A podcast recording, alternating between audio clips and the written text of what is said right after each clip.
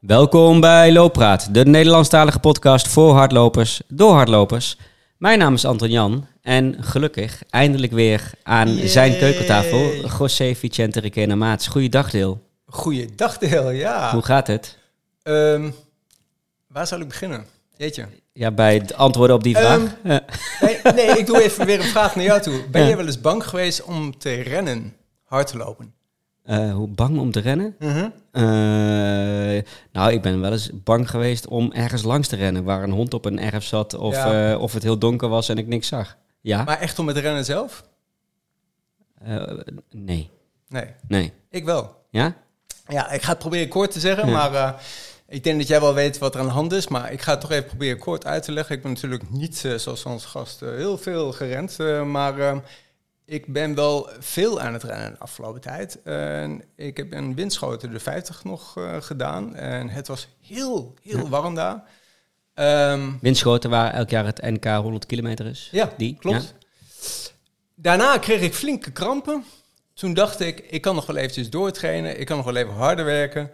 En ik zat op de bank en ik dacht, ik kan wel eventjes mijn hele huis gaan schoonmaken. Ik til de bank naar me toe en krak, ik zit zo op mijn knieën. Ik kon geen stap meer verzetten. Helemaal Door je rug gegaan. dom rug. Volledig dom rug. De José. Nou ja, en nu komt het al zo'n beetje één keer per jaar dat het eh, voorkomt. Maar jij, eh, iedereen om me heen, last van de rug. Het is niet alleen maar ouderdom. Hoezo? Ik ben ook Ehm, oud. nou, we zijn nog niet zo heel oud hoor. Eh, Ja, we ik ben bijna dubbel zo oud als onze gast van vandaag. Ja, maar, daar hebben we het van.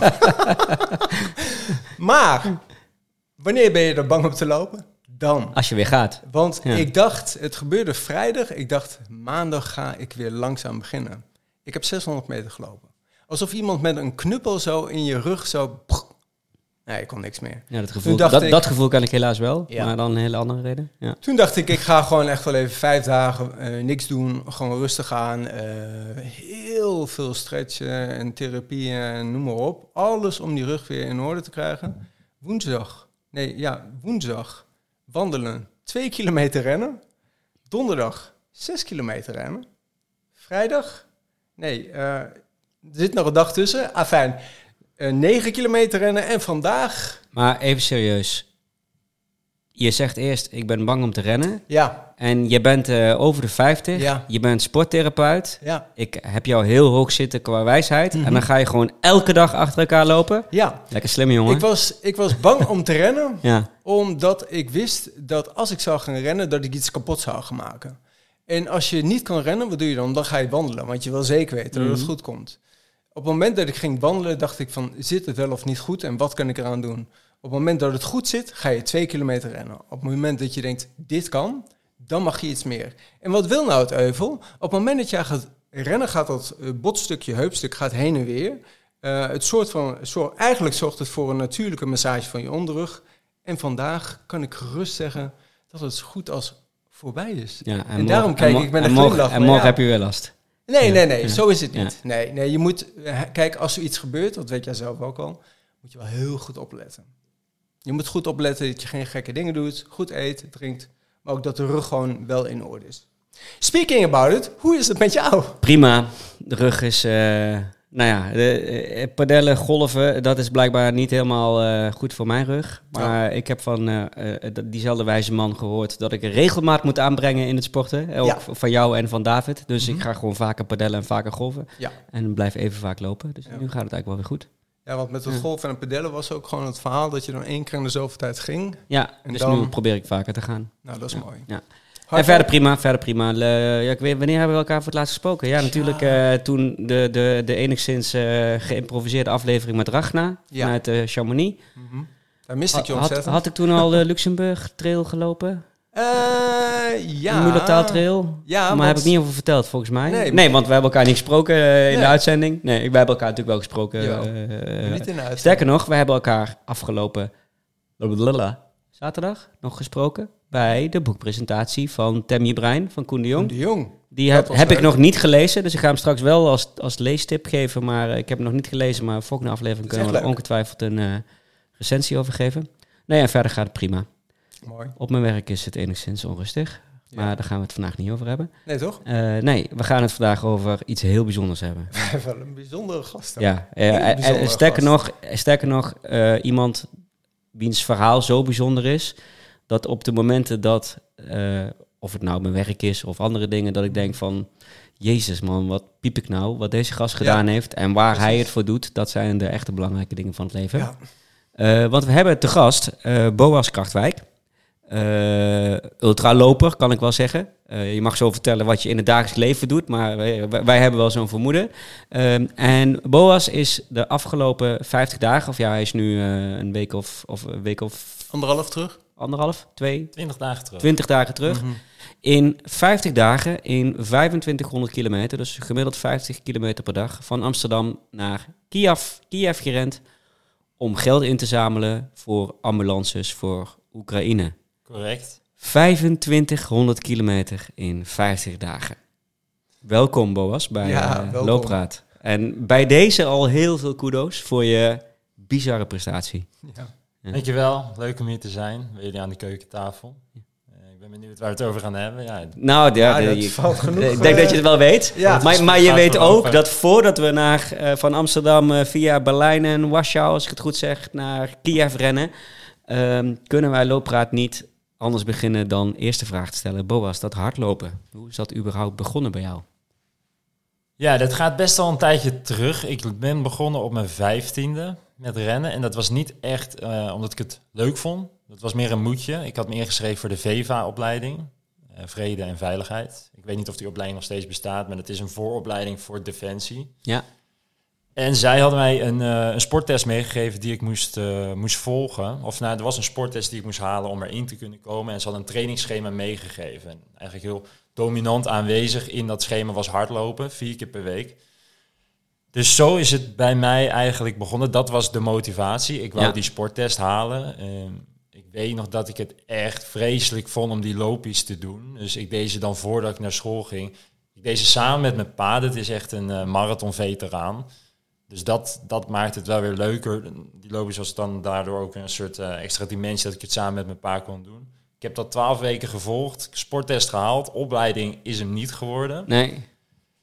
Wel, wel, wel de sporttest succesvol afgerond. Als in niet alleen dat schema gehaald, maar ook die test uiteindelijk. Ja, precies. Ja, ja, ja. Ik, Had, uh, ik had die test goed ruim gehaald. En um, ja, uiteindelijk voor, door andere redenen die, die opleiding niet geworden. Ook maar goed, denk ik.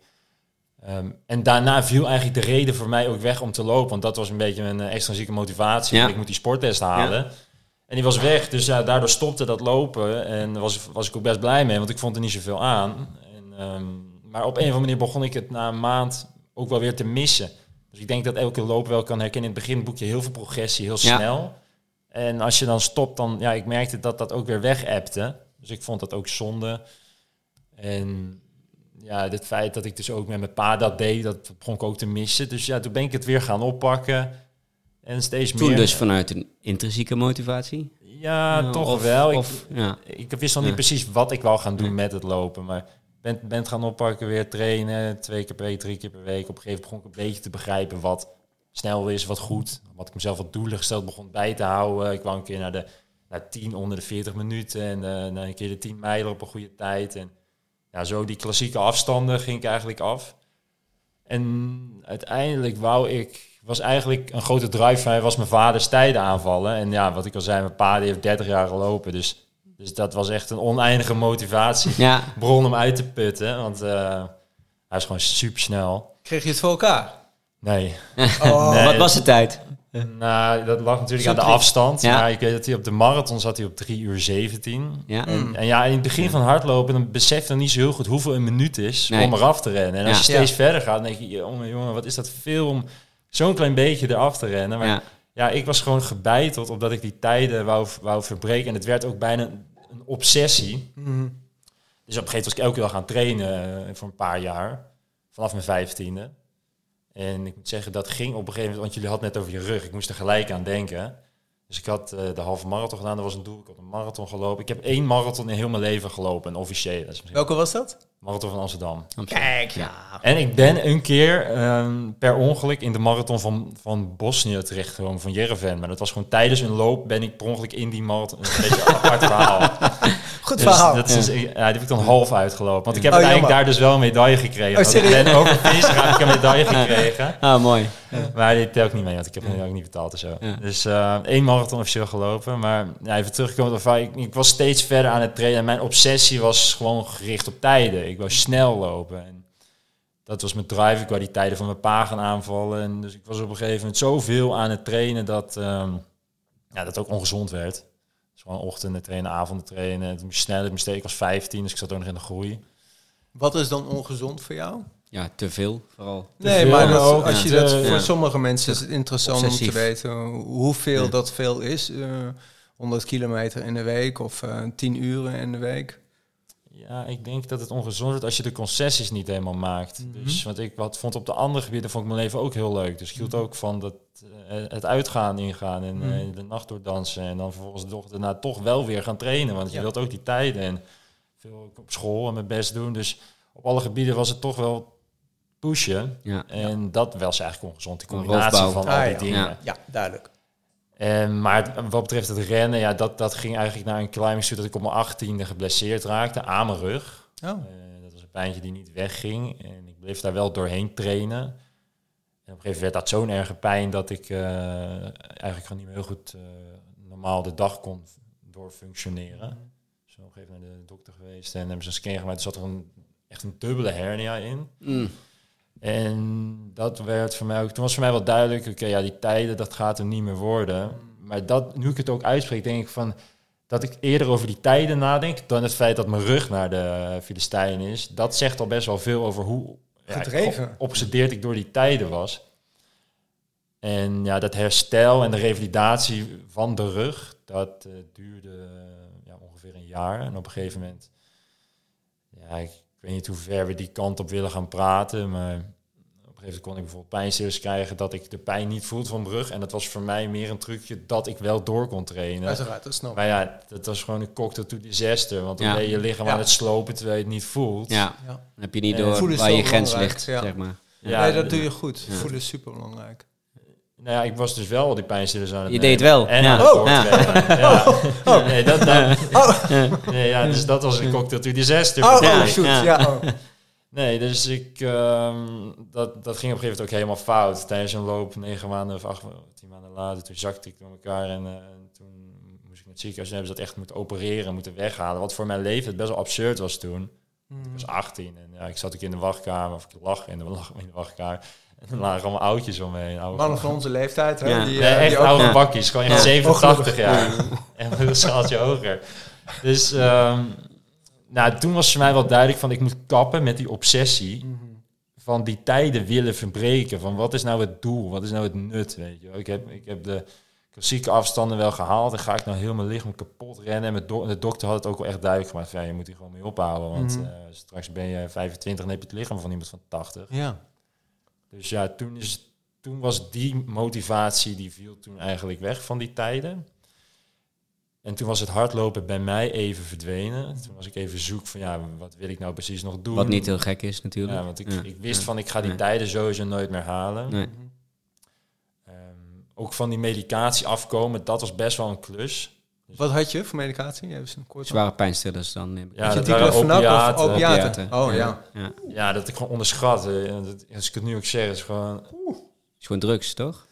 Ja, dat was lastig om daar Ja. weer vanaf te komen. Dus dat Ja. was voor mij ook een extra verder. Ik dacht van ja, Ja. zo geobsedeerd was ik door die tijden. En eh, dat ik daar dus dat ervoor nam en eh daarop door bleef rennen. Ik vond het best wel absurd als ik er nu ook aan terugdenk. Maar ik vertel het omdat het langzamerhand een beetje een bruggetje is naar toen dat, dat ik van de tijden afging en meer naar de ultra's toen. En ik vind het heel interessant ook, Boas, als ik je even de reden mag vallen. Ik vind het super interessant om te zien ook hoe je gedrevenheid in de sport al is. Hè, de- deze kant zou ik dan zelf ook niet op pushen, maar het wil, je hebt wel echt een doel. Je wil dat doel wil je gewoon naleven, kost van kosten. Gelukkig heb je op tijd dat ook ingezien, dat dat niet echt de manier is, maar die gedrevenheid is er wel. Maar goed, toen dacht je dus, ik ga het anders doen. Nou, dat was het nog niet gelijk toen hoor. Ik was toen een jaar of 18, 19 en ik wist het hardlopen. Dat is dus nu wel eh, op een laag pitje, want ik ga die tijden niet meer halen. Ik heb, ik heb gedaan wat ik wil doen, dus ik zag er niet meer echt de reden van in. Maar ja, jullie kennen dat waarschijnlijk ook. Er is altijd wel dat je erover na blijft denken of romantiseert van die mooie lange duurlopen. En op een gegeven moment ben je al je conditie kwijt. En dan denk je weer terug van, oh ja, ik kon zomaar ongepland een, een 25 of 30 kilometer lopen op zondag. eh, En dat was heerlijk. Ja. Ja. En als je daar dan aan Ja. terug gaat, denk je, ja, Ja. dat was wel echt eh, genieten gewoon dat ik dat kon Ja. op dat moment. Ehm, dus eh, die, ja, die fantasieën die bleven wel, maar het was zo ver weg en zo ver van mijn bedshow geworden door de revalidatie van de rug. En Ja. ja. dus dat, dat, het werd meer een soort kijken en lezen en mijn vader nog een beetje zien hardlopen, maar niet zozeer zelf meer. Dus eh, waar was de stap voor de ultra, denk je? Ja, ja, ja. ja, dat is die, helemaal- die, die, die gaat komen. Die- er zitten volgens tien mij zijn we jaar dichtbij. tussen. Ja, ja. Ja, Volgens mij is- zijn we dichtbij. Tien jaar, tien Ja. jaar zitten er Ja, ik neem Kom een hele lange aanloop. Ja, nee, dat Nee, mag. lekker, we houden ervan. Dat mag. Helemaal goed, we hebben tijd. Hè? Dus ja, die kwam denk ik een beetje uit andere hoeken waarvan jullie zouden denken. Want eh, ik moest op een gegeven moment mijn scriptie gaan afmaken. Ik studeerde marketing, communicatie, creativiteit. En ik ben niet een hele getalenteerde student. Ben niet, ik ben niet zo heel goed in lezen. En ik wist de scriptie, dat wordt een, eh, een bittere pil. Dat wordt lastig om af te ronden. En dat was het ook. Dus ik was bezig met een marketingplan schrijven voor een bedrijf of iets. Maar het interesseerde me gewoon niet zo heel veel. En ik had al wel natuurlijk, vaak dacht ik terug aan hardlopen. En ik wist wel een beetje van het ultra af, maar ik meer uit een soort absurdheid. Dat ik dacht van, hoe is het mogelijk dat mensen... Ik wist dus waar het was om een marathon te rennen. Dus Ja. ik dacht, hoe, hoe is het in godsnaam mogelijk dat iemand dat keer tien kan doen zonder te slapen met 30.000 hoogtemeters? Ja, jullie kennen ze allemaal ook wel. Echt die beukers in de Alpen en over heel de wereld. Ik snapte gewoon niet hoe het mogelijk was dat mensen dat deden en, en waar mensen doorheen gingen en wat ze dreven en zo. Dus er zat een bepaalde nieuwsgierigheid. En in mijn scriptie, ehm, om weer terug te komen daarop, ik liep dus vast op mijn eerste onderwerp. Toen ging ik naar de examencommissie op school. En toen zei ik, ja jongens, het boeit me ook gewoon niet zo heel veel. Is er een andere manier waarop ik kan afstuderen? En dat was heel mooi, want ze hadden toen voor het eerst in dat jaar dus een tweede manier om afstuderen. Dat heette vrij afstuderen. Zeiden ze, als je een onderwerp neemt en het in lijn kan leggen met de pilaren van de opleiding, dan eh, mag je dat ook doen. Dus mag je wat meer afwijken. Dus ik zei, nou is goed, Dan heb ik de handleiding aangevraagd. En was de eerste zin in die handleiding, was kies een onderwerp waar je nieuwsgierig naar bent. En voor mij was dat best wel duidelijk. Voor Ja. mij was dat ultralopen. Ja. Want ik wou gewoon alles daarvan weten. Niet zozeer uit een drive van ik wil dat zelf gaan doen. Maar ik wou gewoon begrijpen waarom mensen dat deden. Echt van dat gekke werk. Mooi. Dus ja, toen heb ik een onderzoek opgezet. Het was best wel een klus om dat in lijn te leggen met marketing en communicatie. Dus ik heb uiteindelijk het onderwerp aangevraagd. Storytelling. Hè? Dat, daar zit een link, maar dat heb- is niet wat je gedaan hebt. Ja, eigenlijk Ja, of wel. wel, ja. Een soort van. Ik heb hem, eh hou je vast. Het onderwerp Ja. was, ik wou de belevenis van de ultraloper visualiseren zonder gebruik te maken van het geschreven of gesproken woord. Dus Oeh, jeetje. via een kunstwerk. Ja, Mooi. Dat wou ik doen. Maar ja, mijn school die keek me ook aan van ja, normaal studeer je in zes maanden af. Ja. Wat ben je van plan? Weet Ja. je? Dit is zo abstract.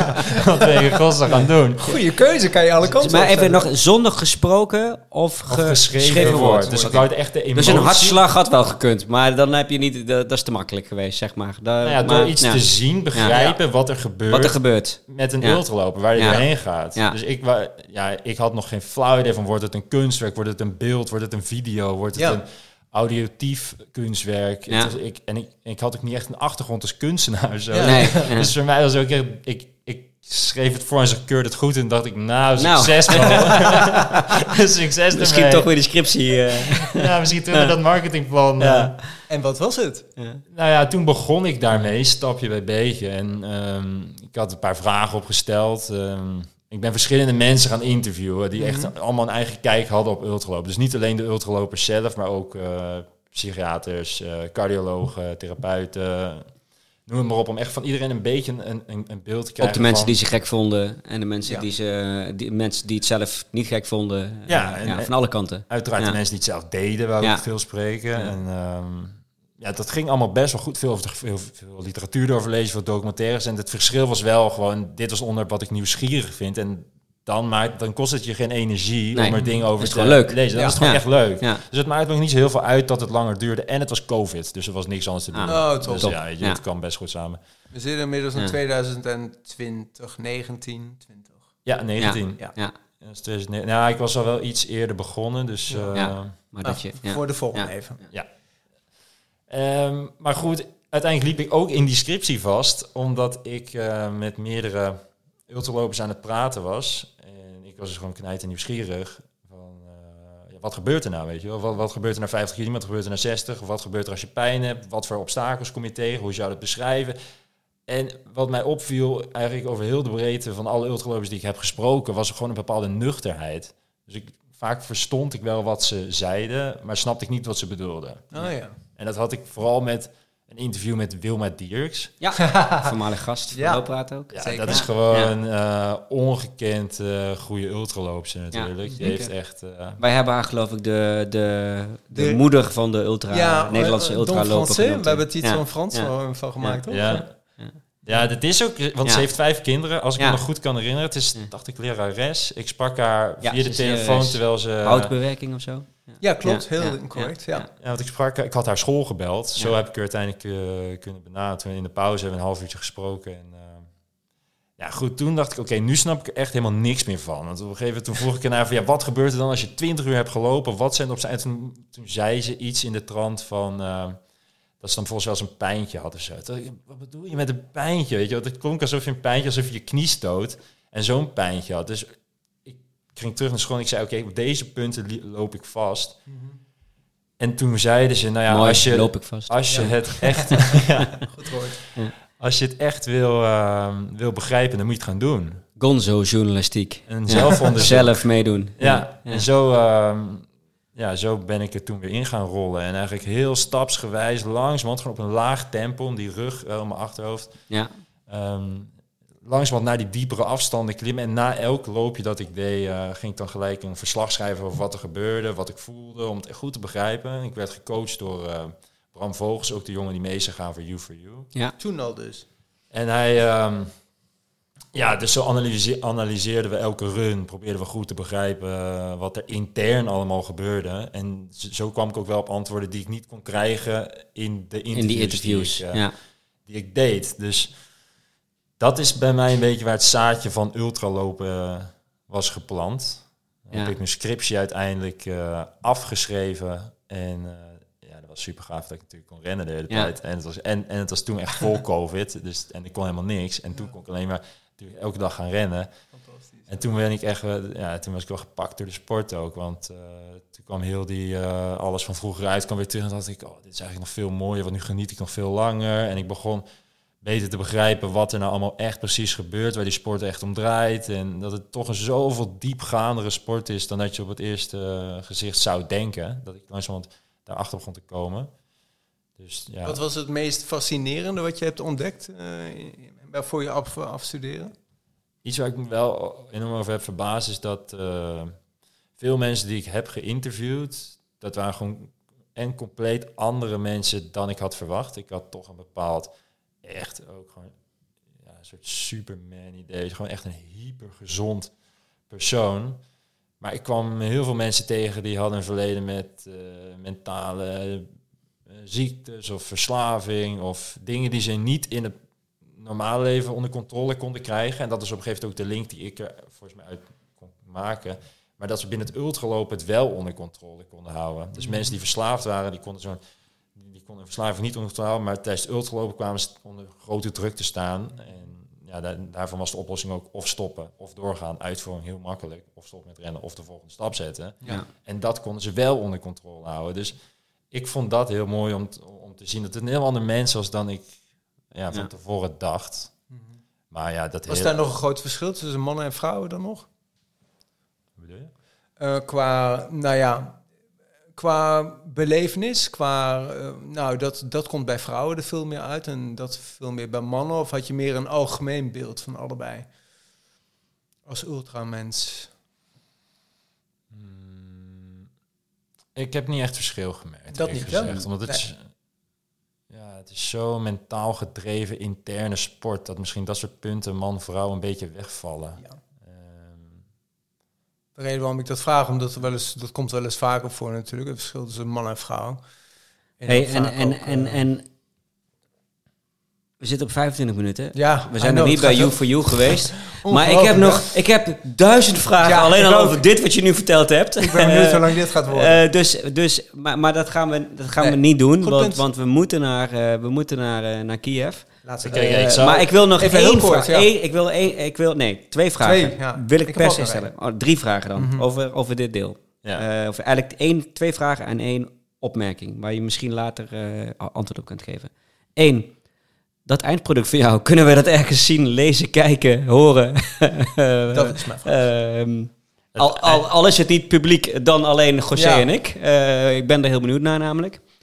Ja, nou, het is misschien wel leuk om het weer een nieuw leven in te blazen. Het is uiteindelijk een lichtkunstwerk geworden. Want ik heb licht en geluid gebruikt Ja. om de belevenis te visualiseren. Ik heb Ja. mijn eigen eh, lichaamsgeluiden opgenomen. Klinkt een beetje ranzig. Ja, ja. maar Ik heb bijvoorbeeld mijn eigen hartslag opgenomen, mijn Ja. eigen ademhaling, mijn eigen bloedsomloop. En dat heb ik proberen te, ehm, uit te beelden namens licht. Ik heb allemaal lichtpalen gemaakt. Dat heb ik in een woonboot supergaaf met allemaal spiegels doorheen. Heb ik een show van 25 minuten eh, geprogrammeerd. Waarin je ja, dus door zo'n ultraloop van 100 kilometer had gefantaseerd. Door de emoties Geweldig, van, ja. een, van ultraloop. Dus daar komt angst bij kijken. Er komt eh, eh, euforie bij kijken. Uitzichtloosheid, Pijn, frustratie. eigenlijk al die dingen die kan je mooi omzetten. Het in leven. licht. En Ja. Eigenlijk wel. Het is gewoon Ja. een reis waar je doorheen gaat. Dus, maar het ligt nu op mijn zolder. Misschien moet ik het winkeltje opbouwen. Ja, doen, Ja. doen. Wij Nou, zijn we- voor. misschien kunnen we daar een uh, looppraat eh evenementje Ja. van maken. Of, eh, of iets Voor- heel moois. eh, Voordat we dan dat eh, eh, stapje gaan naar eh, Mhm. Kiev, wat was dan de eerste ultra voor jou waarvan je zegt van nou, hier ben ik echt, was dat dan... Ik ga- Dankjewel, dat was mijn tweede vraag. Oh, nou, Eh, voilà.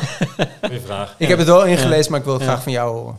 Ik ben niet heel eh, dus ik heb niet heel veel wedstrijden gelopen. Maar in die scriptie, eh, de afstand tussen mijn oudershuis en mijn huis in Amsterdam is 60. Dus dat is de eerste dan geweest eh, die echt binnen die afstand valt. En die heb ik wat vaker gelopen.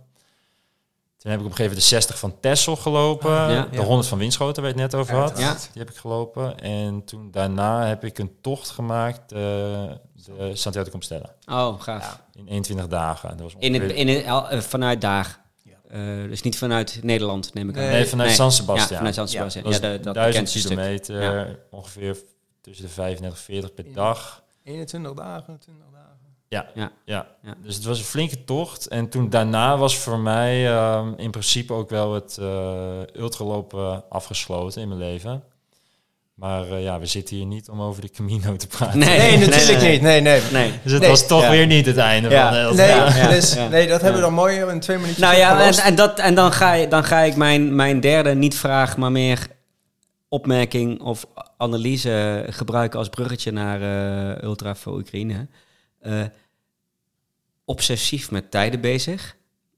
Leren in, ehm, eh, in je scriptie en in je onderzoek wat, wat er eigenlijk bij al die mensen allemaal gebeurt. Dat ze vanuit een gewone verslaving komen en eigenlijk naar een hardloopverslaving of een ultraloopverslaving gaan. Veel betere verslaving overigens dan heel veel slechte verslavingen natuurlijk. Eh, en dan ga je 2500 kilometer lopen in 50 dagen. Ja. Waar kwam die motivatie vandaan? Kwam die vanuit diezelfde gedrevenheid of gekte vandaan? Of vanuit een andere motivatie? Nee, het, kwam, het was niet vanuit de insteek om een bepaalde afstand te rennen. Het, Nee. was, het kwam vanuit de hoek dat ik iets wou doen voor Oekraïne. Ja. En eh, het had dus ook niet zo heel veel te maken met eh, alles wat ik had opgedaan met hardlopen. eh, dat ik eh, iets voor mezelf wou bewijzen. Het begon wat eerder, toen de oorlog uitbrak in Oekraïne, anderhalf jaar geleden. Toen, dat ging zo razendsnel en het ging op zo'n schrijnende manier dat ik daar iets voor wou doen. Maar ik wist niet goed wat. Ik, heb, eh, ik, ben, ik ben geen politicus, ik, ik heb- ben geen multimiljonair. Ik had geld gedoneerd, maar ik dacht ik moet nog iets meer doen. Ja. En uiteindelijk ben ik toen anderhalve week na die invasie ben ik met de auto daarheen gereden om te gaan helpen met evacueren. Ja. Heb ik uiteindelijk 16 mensen kunnen wegkrijgen naar verschillende steden in, eh, in Duitsland gebracht, huisvesting voor kunnen regelen. En toen kwam ik weer terug in Nederland, het was voorjaar, en toen kwamen we net een beetje uit die COVID. Dus het, eh, het bruiste best wel. En dat contrast was gewoon heel groot. Dus het voorjaar hoe ik hem net daar in uh, Oekraïne had hier weg gezien. in de media. Eh, Dat ook, ja. En ja. Het werd voor mij ook wel duidelijk Ja. dat wat ik had gedaan gewoon een druppel in de oceaan was. Omdat ik had gezien hoe groot de impact was van die oorlog. Omdat je in één keer al die vluchtelingen ziet. Ik kwam, ik, ik kwam op plekken, dorpen waar 60.000 mensen kwamen, waar honderden, duizenden vluchtelingen zaten. En dan hoor je, dan, dan krijgen die mensen ook een gezicht, weet je. Ja. Want je leest in het nieuws het woord vluchteling, daar heb je een bepaald beeld bij. En nu spreek je iemand. Dan spreek je een mannetje van 85 die alles heeft achterlaten, geen plan heeft, drie dagen wakker is met twee boodschappen tasjes naast zich. Ja, dat, dat is gewoon, dat verscheurt je gewoon eigenlijk. En dat bleef bij mij wel een beetje hangen. Toen ik in, Ja. in ik werd er ook niet echt een gezellige gast van. Mm. Eh, Dus ik moest daar ook iets mee. En, Je, eh, je trok het je aan en een soort gevoel van machteloosheid. eh, dat, dat je daar helemaal niets aan kon doen meer. Dat je terug was. Of, of, ja, eh, ik wou ook natuurlijk wel meer doen, maar ik wist ook niet goed hoe ik die vraag moest beantwoorden. Van wat Nee. kan ik nou doen? En ik begon om ook bijvoorbeeld problemen van anderen te vergelijken met de problemen van mensen daar. Wat Ja. niet eerlijk is. Is Nee. alles een peren nee, vergelijken. dat Ik kwam- relativeren. Ja, of ja, verkeerde terug, die had ja. een slechte dag gehad. Toen dacht ik, ja, maar Ja. die mensen daar dan, hè, wat hebben die dan voor dag Je gehad? hebt tenminste nog een je? dag. Ja. Dus dat werd, eh, ja, dat slaat natuurlijk nergens op. Dus ik dacht, ik moet daar iets mee. En iets Ja. wat mij heel erg verbaasde, dat was gewoon hoe dichtbij het was. Dus het feit dat ik inderdaad gewoon in, in één avond erheen kon rijden. Want het is, het is 2000 kilometer. Het Ja. is geen 2500. We hebben een Nee. soort loopje genomen. Ja. Ik zal dadelijk vertellen waarom, want Ja. het is niet, eh, dat was niet mijn idee. Nee. Ehm, maar ja, ik, dus ik wou aantonen van ja, nee, maar het, het bedoelt hetzelfde als naar Zuid-Italië rijden. Eh, of Ja, naar Spanje. Dat, doet, dat doen ook heel veel mensen. Ja. ja, het Ja. is niet het meest populaire vakantieland geweest Nee. in de afgelopen jaren, maar het is net zo dichtbij. Ja, ja.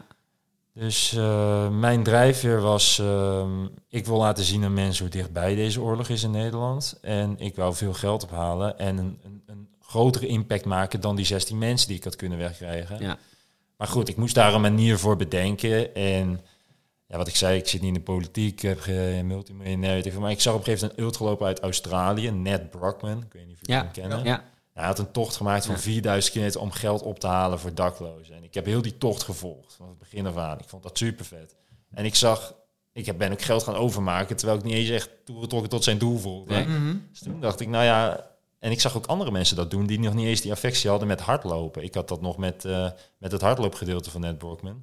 De jongen had 2 miljoen, 2,5 miljoen opgehaald. Dus toen dacht ik, ja, ik moet hier iets mee doen. Ik moet dat Ja. ultralopen wat ik heb gedaan gebruiken. Toen was al niet gelijk het idee van ik moet er naartoe rennen. Nee. Maar toen dacht ik, ik kan iets. Ik dacht misschien ook de frontlinie afstand rennen of zo. We waren een beetje creatieve ideeën aan het bedenken Ja. en brainstormen. En toen op een gegeven moment dacht ik, ja, als ik echt het nieuws wil halen, als ik echt wat wil ophalen, als het, als het iets is waar mensen over praten op het werk, dacht ik van ja, dan moet ik gewoon heen rennen. Ja. Amsterdam Ja. naar Kiev. Ja. Ja, Toen heb ik het op Google Maps ingevuld. Toen Ja. zag ik 2000 kilometer. Dat ik, Ja. zie, het was echt ver. Ja. Ehm, twee keer Santiago. Hè? Ja. ja, en dat Ja. vond ik al ver. Ja. De laatste week vond ik al niet meer leuk. Ja. En- en dus ja, maar ik dacht, het is wel te doen. En een team van tien man. Hoe ziet dat eruit? Hoe, hoe ga, want dan denk je dat. En, Ja, en dan?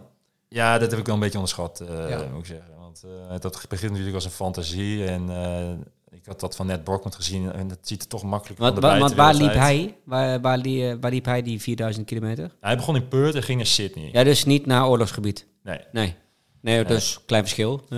nee, er kwam gewoon heel veel voorbereiding Ja. Het was, we, moesten, we moesten echt een team op poten zetten. Er moest een chauffeur mee, er moest een coach mee, er moest een fotograaf mee die alles ging vastleggen. We hadden een website nodig, een goede Ja. bestemming voor het geld. We moesten zorgen dat het effectief werd ingezet. We moesten een doel kiezen. Dus ja, ja. dan, ik had het een beetje onderschat. Weet je. Ik dacht, Snap ik. Ja. Misschien als we daar om de tafel in gaan zitten. En ik, ja, je moet ook mensen, want wij zijn met, we hadden een team van acht, geen tien. En we zijn met drie man eh, vertrokken. Dus ik ben samen met Bram Vogels, mijn coach, en Bo Ja. Thiele, mijn cameraman. Ja. Mijn cameraman, de cameraman. Ja. Hij was niet Ja. mijn cameraman. Ja. En ik dan de loper. Ja. Wij zijn met z'n drietjes vertrokken met een caravan. En het team waar wat thuis eigenlijk nog bezig was, het was van de stichting Zeilen van Vrijheid. Ja. En zij eh, deden dan eigenlijk het geld goed gebruiken. Ze kopen ambulances op, echt uit alle windstreken in heel de wereld. Knappen ze op voor 30.000 euro. En die worden, ja, dus net over 30.000 euro heb je er één. Ja. Worden binnen twee weken ingezet. Kun je tot 25 levens per dag redden. Dus ik wist, dit is een hele ja, snelle Ja. en ook duurzame manier van, eh, Ja. ja. van helpen. En ik dacht 30.000, ja, het is veel geld. En uiteindelijk, hoeveel hebben we erover gemaakt? We zitten nu op eh, dik 80.000. En eh, de rekeningen zijn nog steeds geopend. We Ja. hebben al twee ambulances gekocht. Die Ja. zijn op dit moment al operationeel. We zijn dus eigenlijk onderweg met de derde nu fine-tunen. Ja. We Fijn, hebben nog 10.000 nodig. En het is veel geld. Maar wat ook dus de kracht van dit project is, zit hem echt in het samenwerken. Dus eh, dat de kwantiteit van een grote groep mensen bewust kunnen worden van de impact die we kunnen maken als we samenwerken. En vele kleine donaties één grote donatie Ja, maken. tuurlijk. Ja. Dus we zijn niet op zoek naar de grote vis die de 100.000 euro eraan klapt. En dat we in één Mag keer wel, denk zijn. ik. Maar Het zou mooi zijn. Maar Ja. dan is ook ja. ja, dan is ook het idee weg dat we zeggen, wij staan allemaal achter jullie. Weet Ja. je wel, van de Ja. student tot het omaatje. Van eh, ja, iedereen die, die een paar euro overmaakt. We hebben uitgerekend met 3,29 euro eh, kan je een leven per jaar redden. Via die ambulances. Dus Ja. Maar goed, even terug weer naar het ultralopen. Zo is U4U ontstaan. Vanuit Ja. die hoek. En ik heb dat geprobeerd in te vullen met ultralopen. En ja, dat, daar zat zes maanden tussen. Tussen dat ik het dacht en tot Dat je startte. Ja. Oké. En dat was eh, veel gedoe nog. Ja. wat er tussen Ja. zat, ja. En waarom die, eh, je zei net al, het was het maar 2000 kilometer? Waarom werd het 2500? Want het was wel vanaf het begin bekend, toch? Dat het 2500 zou worden. Nee, nog niet echt. Nee? Eh, Oké. ja, nou ja, wij Ja, waren... ja. Kijk, het doel was niet zozeer één jongen rent eh, van Amsterdam naar Kiev. Het doel was zoveel mogelijk geld behalen. Dus Ja. wij zaten te kijken, wat zijn manieren om dat nog effectiever in te vullen. En toen kwam op een gegeven moment iemand die zei, we moeten met door de steden heen. Want dan heb je meer, Dan krijg je een extra boost. En, ja, dan heb je eh, nog meer ja. verbinding tussen de grote steden van de Ja. landen. Ja. Dus toen dachten we, we moeten Warschau erbij pakken. En er was net een lus van 500. En ik dacht, ja, dat hoeft Shit. voor mij echt niet hoor. Ja. Is er niet een stad wat dichterbij?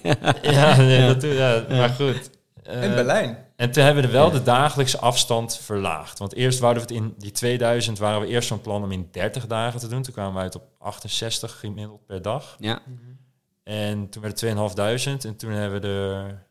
Ik weet trouwens, trouwens niet 170 of 68. Dan moeten mensen meer even Nee, nakijken. nee, ja. Eh, maar Doet er die niet toe. 2500 kilometer dacht ik, ja, Ja. dan, ga, ik- dan moet ik er wel langer over doen. Want ik kan dat niet eh volhouden met eh, elke dag bijna 70ers lopen. Ja. Nee. Dus dan hebben we bedacht 50 keer 50, de back lekker. Ja, Eh, best goed eh, houdbaar, dacht Mhm. ik. Maar ja, dat waren ook voor mij allemaal aannames. Want ik had nog nooit iets gedaan wat in de buurt kwam van dit, dit project. Nee. Dus ja, ik was ook best wel zenuwachtig voor de start.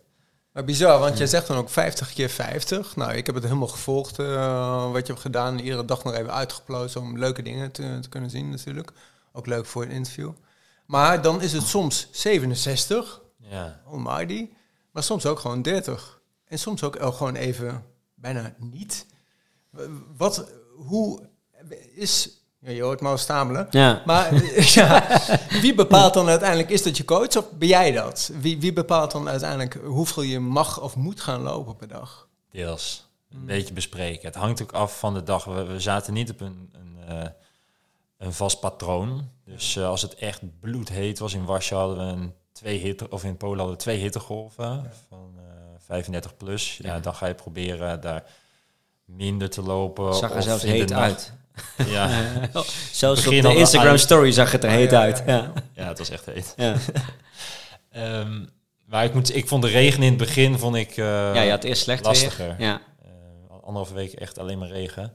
Maar ja, dat was elke dag toch een beetje kijken hoe de vlag erbij hing. Ja. Als het gewoon eh, echt heel slecht was, konden we wat minder doen. Ehm, soms dan was het ook een beetje afhankelijk van de slaapplek. Dus we kregen bijvoorbeeld, Ja. een- als we een hele goede slaper kregen aangeboden, die dan 15 kilometer verder was. En het ging best lekker. Ja, we, nou, dan Dan gaan we even er gewoon doorheen. En Ja.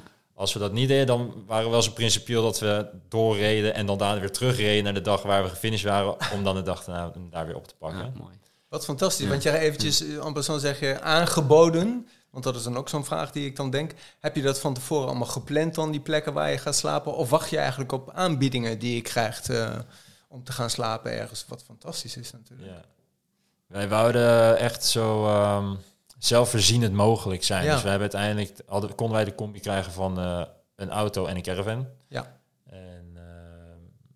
De caravan konden we eigenlijk overal neerzetten. We merkten naarmate we verder naar het oosten kwamen eh, dat het onderwerp ook steeds eh, meer aanwezig was Ja. in die landen. Ook omdat het Begrijpelijk. dichter Ja. bij Oekraïne is. Ja. Dus in Polen hoef je het woord Oekraïne maar te zeggen en iedereen wou iets doen. Ja. Dat was ook al prachtig om mee te maken en ook om door te geven aan de mensen in Ja. Oekraïne. Dat je echt kon zien van, ja, dat is iets wat ik merkte in Oekraïne, maar daar kunnen we ook uren over doorlullen.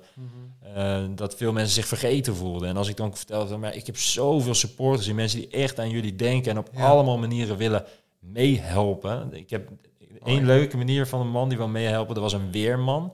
Die had gedoneerd. Die zei, ik vind het zo'n tof project. Ik heb geld voor, maar is er iets wat ik nog verder kan doen? Dus ik zei, nou, je kan doorvertellen of je kan er iets ook over schrijven of zo. Toen zei hij, ik ben weerman. Zal ik een, een op micro-detail gemaakt weerbericht voor jouw route maken? Oh, wat leuk. Eh, ja, dat eh, is misschien best wel handig. Ja. Dat komt ja. best wel pas. Ja. Maar ik wist niet, ik dacht van ja, wat gaat die jongen dan doen? Eh, dus ik zei, is goed. Dus ik had de route doorgestuurd. Had een ex of ja, mijn, Bram had echt een Excel-sheet. Die was wel heel precies. Ja. Dus die zei wel vaak hoe en wat ik moest lopen. Had dat doorgestuurd naar de jongen. En toen kwam er echt tien pagina's terug met eh, van echt op de minuut aan. Van je krijgt nu anderhalf uur wind tegen. Je, je krijgt een paar uurtjes zon. eh, geniet ervan. En dat soort opmerkingen. En wij dachten, vet jongen. Ja. Dat, dat, dus iedereen eh, op zijn eigen manier eh, wou helpen door zijn beroep of passie in te zetten. En daardoor was het ook, merkte ik ook echt hoe verbonden mensen toch wel zijn over dit onderwerp. Ja. Ja, want, want je hebt, eh, los van de route, heb je, had je twee milestones tussenin, hè? Ja. Berlijn en, en Warschau. En, en daar deed je ook aparte dingen, toch? Nog in die, eh, in die twee steden. Maar wa- waarom specifiek die twee steden? Dat was ook een beetje om het overzichtelijk en houdbaar voor onszelf te houden. Dus tussentijdse mijlpalen om naartoe te werken. Anders kijk je naar zo'n uitzichtloze lange 50 dagen. Dat, heb ik je wel een paar, dat woord heb ik je wel een paar keer horen zeggen in jouw dagelijkse live Ja. eh, vlogs. Uitzichtloos. Ja, Maar dit was dus een reden om dat een klein beetje te verminderen. Ja toch proberen tussentijds kleine doelen te stellen. Een derde, Dus de- een derde, een derde. Ja, we maar. hadden dan drie fases gemaakt. Eh, Amsterdam naar Berlijn, die hadden we de Fun Run genoemd. Een beetje knippig ja. Barkley. Mooi, mooi. En de tweede hadden we de Deep Waters genoemd. En de derde, van, eh, die was dan van Warschau naar Kiev, de Road to Victory. Ja, We hadden ook tekening bij gemaakt en zo een beetje visualiseren. En, eh, en dat, dat, ik moet ik zeggen, dat hielp Dat echt. hielp, Want ik was in het begin, ja, alsnog van Amsterdam naar Berlijn rennen is ook al heel erg ver. Dus dat is ook al moeilijk om te denken dat Berlijn je, zich naar je toe trekt. Dus het was eigenlijk gewoon met de dag bekijken, bijna ingezoomd op met de stap bekijken.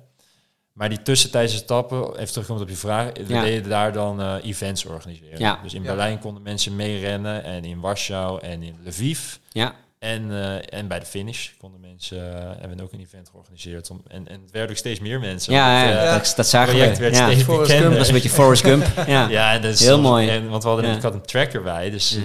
de mensen die, die waren het echt actief aan het volgen. En die stonden dan met borden aan de zijkant van de weg en die gingen dan meerennen. En dat gebeurde steeds vaker. En mensen, op een gegeven moment dacht ik, jongen, jongen, iedereen... Ik weet, ik, het was natuurlijk heel supported, maar het is soms ook wel...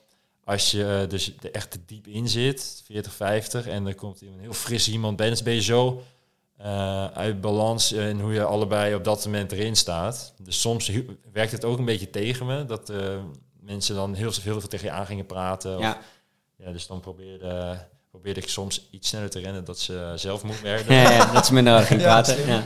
Ehm, maar dat was prachtig eh, om te zien, al die mensen die betrokken werden. Dat was ook een beetje ja, gewoon een droomscenario voor Ja. ons. En zelfs in Berlijn dus, ook eh, fanatiek.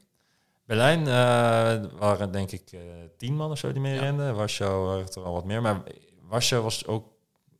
Ja, daar kunnen we ook wel een beetje naartoe gepraat. Dat was wel een soort dieptepunt van de reis. Er zaten, Ja. er zaten vijf eh, knakmomenten in. En eh Warschau, daar lag wel het pijnpunt van de hele rit. Knakmomenten hebben we het over nou, over je mentale en fysieke gesteldheid. Want dat was ook wel een vraag van mij die, eh, die op mijn lippen brandt. Hoe is het met je lijf dan zo tijdens zo'n tocht? Wat heb je wel niet allemaal meegemaakt? Ja, best wel veel. Ja, Ja, het is ehm, uiteraard fysiek en mentaal. Ik eh, had het begin de afspraak dan eh, met de rest en met mezelf gemaakt dat ik, eh, ja, dat klinkt een beetje heroïs of zo, maar ik had gewoon bedacht, ik blijf hoe dan ook doorrennen, tenzij, er, tenzij het gewoon echt medisch gezien niet kan. Dus of ik haal het, of ik val ergens neer. En Ja. dat, maar dat gaf op een of andere manier ook wel rust, omdat daardoor heel de optie geëlimineerd was om te stoppen omdat ik geen zin meer had. Ehm, dus kon dat ook niet zo, was dat ook niet meer zo intimiderend als ik in één keer eh, me slecht voelde of een pijntje had. Of, want soms dan ga, heb je een pijntje en denk je, ja, als ik dit nu al voel, hoe gaat dit morgen voelen en overmorgen? En aan het eind van de dag, ik moet vandaag nog vijf uur. ja. Dus daardoor kon ik dat wat, werd ik wat minder raakbaar voor die dingen. Maar ja, fysiek gezien ging het in het begin, de eerste twee weken, eh, kreeg ik langzamerhand pijntjes in mijn benen. In, eh, ik had ja, beide scheenbenen, shinpins. Ik Ja. had Ja. zenuwpijn onder mijn voet, dat vond ik ver- echt vervelend. Eh, een soort jeuk die ik niet kon wegkrabben. Er waren best wel veel pijntjes. Maar op een gegeven moment... Valpartij meegemaakt, vinger open liggen. Ja, ja, dat. Vinger was open gegaan. Ehm, ja, en de, ik had een liesblessure. Ja, op een gegeven moment was het gewoon één grote malaise. Ja. gezegd. Eh, Fysiek. ja. Fysiek. fysiek, ja. Ja. En dan werd je ook iedere Ja. dag nog gemasseerd. eh. Ja, dat, dat, eh, ja, dat was soms echt wel een beetje de kers op de taart, die massage. Want dan, heb- Ja. dan ben je natuurlijk al... eh, want het zijn geen lekkere massages. Nee, Het is nee. Echt, echt Een torture. lekkere massage is geen goede massage. Tenminste, op dat moment niet. Nee. Ja, nee, maar ik, inderdaad, elke dag Ja. masseerde Bram mij aan het Ja. eind van Ja. de dag. Ik denk dat dat ook wel heeft meegeholpen. Mm. En mentaal? Ehm, dat is waar het grote speel wat Ja. bevond. Dat was het, knak, het, knak, het, het knakmoment. Al die knakmomenten Ja, waren ja, allemaal mentaal, mentaal, eh, ja. gelinkt. Dus fysiek was op een gegeven moment, dacht ik van, ja oké, dit is gewoon irritant, maar eh, het gaat me niet, eh, het is niet leven- levensgevaarlijk en dan kon ik het wel een beetje accepteren. Maar mentaal eh, is het zo lang en zo uitzichtloos dat je, met die pijntjes die, die deden mij een beetje naar de rand duwen af en toe. En als ik Ja. er dan overheen ging denken van, eh, van ja, ik moet vandaag nog zes uur eh, en het wordt steeds warmer vandaag en eh, dan, ja, dan is het al een beetje intimiderende gedachte van, eh, Ja. ja. jullie kennen het natuurlijk ook Hmm. uit het ultra. Maar als ik er dan ook nog overheen ging denken van, ja, maar ik ben morgen ook nog niet klaar en overmorgen en het weekend, niet, in volgende maand ben ik er nog niet eens. Nee, Dan raakte ik soms gewoon in paniek. ja, Ja. En eh, dat was ook een beetje mijn gevoelige punt, de angst. ja, Dus ehm, angst was op zich best wel, kan je nog wel energie geven. Het is een soort eh, fight or flight gevoel. ja. Mhm. Ja. En dat, dat hielp dan soms wel met me mee. Maar als ik dan in paniek raakte, dan eh, sloeg ik helemaal lam. Dan kan het ook Dan- freeze worden. Ja, ja, Ja. dan, dan ben ik, kon ik gewoon te trillen, kon ik niet meer goed ademen. En, en eh, Wat hielp je er doorheen dan op dat moment? bij die paniekaanvallen. Ehm, ja, vaak dan ging ik echt wel even stoppen. Mhm. En probeerde ik te accepteren en het over me heen te laten komen dat dit eh, onderdeel was van eh, de tocht. En dat het ooit wel weer op zou. Gewoon dat proberen me te blijven te vertellen. En dat ik niet in levensgevaar was, want ik had mensen om me heen. En als we zaten met, ah, dus toch een soort geruststellen. Mhm. Ehm, Ik las ook, eh, volgens mij was het in een vlog, want het was ook een vraag van een van de lezers. Er stond op een gegeven moment van, waar denk je dan aan tijdens zo'n dag? En ja, dan zei jij, vond Ja. ik heel mooi. ik had wel een vaste mantra. Dat was, eh, eh, ja, als het mij zou lukken om 50 dagen lang te kunnen afzien, dan had het de potentie dat anderen niet de rest van hun leven zouden hoeven af te zien. Dan, eh, ja, als je dat dan inzoomt, als je enkel een stap hoeft te zetten, dan kan je best wel relativeren dat iets op dat moment even niet lekker voelt. Ja. Dus het was voor mij een heel sterk tegengewicht. Eigenlijk de drijfveer waarmee je dit begon. Ja. eh, gewoon En- iedere keer herhalen voor jezelf. Ja, precies. Ja, Dat ja. is echt een soort Ja. mantra. Maar ja, op een gegeven moment wordt het ook een beetje abstract. Want het is niet dat je de lijken langs de weg ziet liggen. En Nee. het is ook niet dat je het geld binnenkrijgt en een ambulance in de etalage Nee, ziet staan. nee, en Dus dat ja, je, of ja. dat je de oorlog oplost. Eh, helaas ook niet. nee, dat, dat nee, ook nog zeker niet. Nee. nee. Maar het is wel dat... Dus ja, naarmate ik die mantra meer begon te gebruiken... kreeg die minder lading. Maar toen ik in Oekraïne kwam... toen kreeg het meer invulling. Dus toen, Ja. toen was ik eigenlijk... ehm, Toen zag je letterlijk waarvoor je het deed. Ja, precies. En dat maar heeft wel echt maakte wel indruk op me, waardoor het lopen in één keer een stuk makkelijker werd. En Ja. dacht ik van oké, dan pak ik dit stuk het lopen, want hier kan ik dus met elke stap echt wel progressie maken Ja. voor eh, de verhalen die ik hoor. Dan komt het extrinsieke er heel erg weer naar voren. Hè? De omgeving waarin je loopt, Ja, die is dan zo stimulerend eigenlijk dat je het gewoon wel redt. Dus dan hoef je niet meer terug te vallen op je eigen denkproces. De omgeving was niet heel interessant, want we hebben alleen maar de snelweg gevolgd, maar de verhalen. Dus eh, je bent, je bent we hebben heel veel nachten in schuilkelders gezeten, veel verhalen gehoord eh, van mensen die. eh, eigenlijk was iedereen indirect of direct slachtoffer van die oorlog. Mhm. En ja, dat werd allemaal omgezet in motivatie voor ons allemaal. Ja. Dat is allemaal brandstof. Dat ik dacht, of we doen het voor die, of voor dat verhaal, of voor dat verhaal, of voor dat slachtoffer, of die die zijn zoon is verloren, of die die ehm, leven om, omhoog is gegaan. Dus dat hielp heel erg in Oekraïne mee in de motivatie. Ja. Maar ja, even dan terugkomend op dat, eh, dat uitzichtloosheid en dat mentale, dat was een beetje in het midden. zit. Dus ik denk dat die naam Ja. de Deep Waters ook wel goed Ja. gericht was. Ja. Ja. Eh, want dan ben je nog niet op de helft. En eh, Dat was bijna Dante, de, Ja. de, de goddelijke comedy, eh, waar je doorheen door de hel en weer terug naar, eh, nou ja, niet, niet het paradijs, want Even- Kiev is natuurlijk niet op dit moment het paradijs, maar dat was echt het, die- het diepe dal. Daar. het middenstuk. Ja, ja in het middenstuk. ja, Ja. dat vond ik het moeilijkste punt. En we zaten ook eh, echt in een hittegolf. En eh, ik was ook wel, ja, echt wel heel erg moe aan het worden. Eh, ja, het was steeds moeilijker om, eh? Speaking about it. Ja. Misschien heb jij wel zin nu gewoon in een alcoholvrij biertje. Koen, koen. Dit is eh, een reclameblok. Nee, is geen eh, reclame. oh, maar ik wil, ik, ja, ik, ik, nou, ik, ja, ik eh, zijn José dat ik wil alcoholvrij biertje wil. En, eh en Boas had al gezegd, eh, als je er eentje gaat pakken, dan wil ik er ook wel eentje. Eh, Gaat gerust maar wij, door, Ja, zeker, eh, wij gaan door. En de, de, barman, de barman gaat aan de slag. Nee, dus dat, dat, dat was echt het, het, het, het, het, het, het dieptepunt. En even terugkomend op je, op je lichtkunstwerk. Hè, Ja. Wat misschien nu nog, een, nog interessanter zou kunnen worden... als je die ervaring van dit project daar alsnog in verwerkt. Maar dan ga ik je misschien eh, met werk opzadelen waar je maar geen zin in hebt. Maar het mooie eh, vond ik aan jouw vlogs... Hè, want natuurlijk heb ik naar de, alle dingen die je vertelde geluisterd... en alle dingen die ook je, je crew en dergelijke vertelde en deelde... en die teksten. eh, ehm, maar ik denk als je inzoomt op jouw gezicht... en met name op je ogen...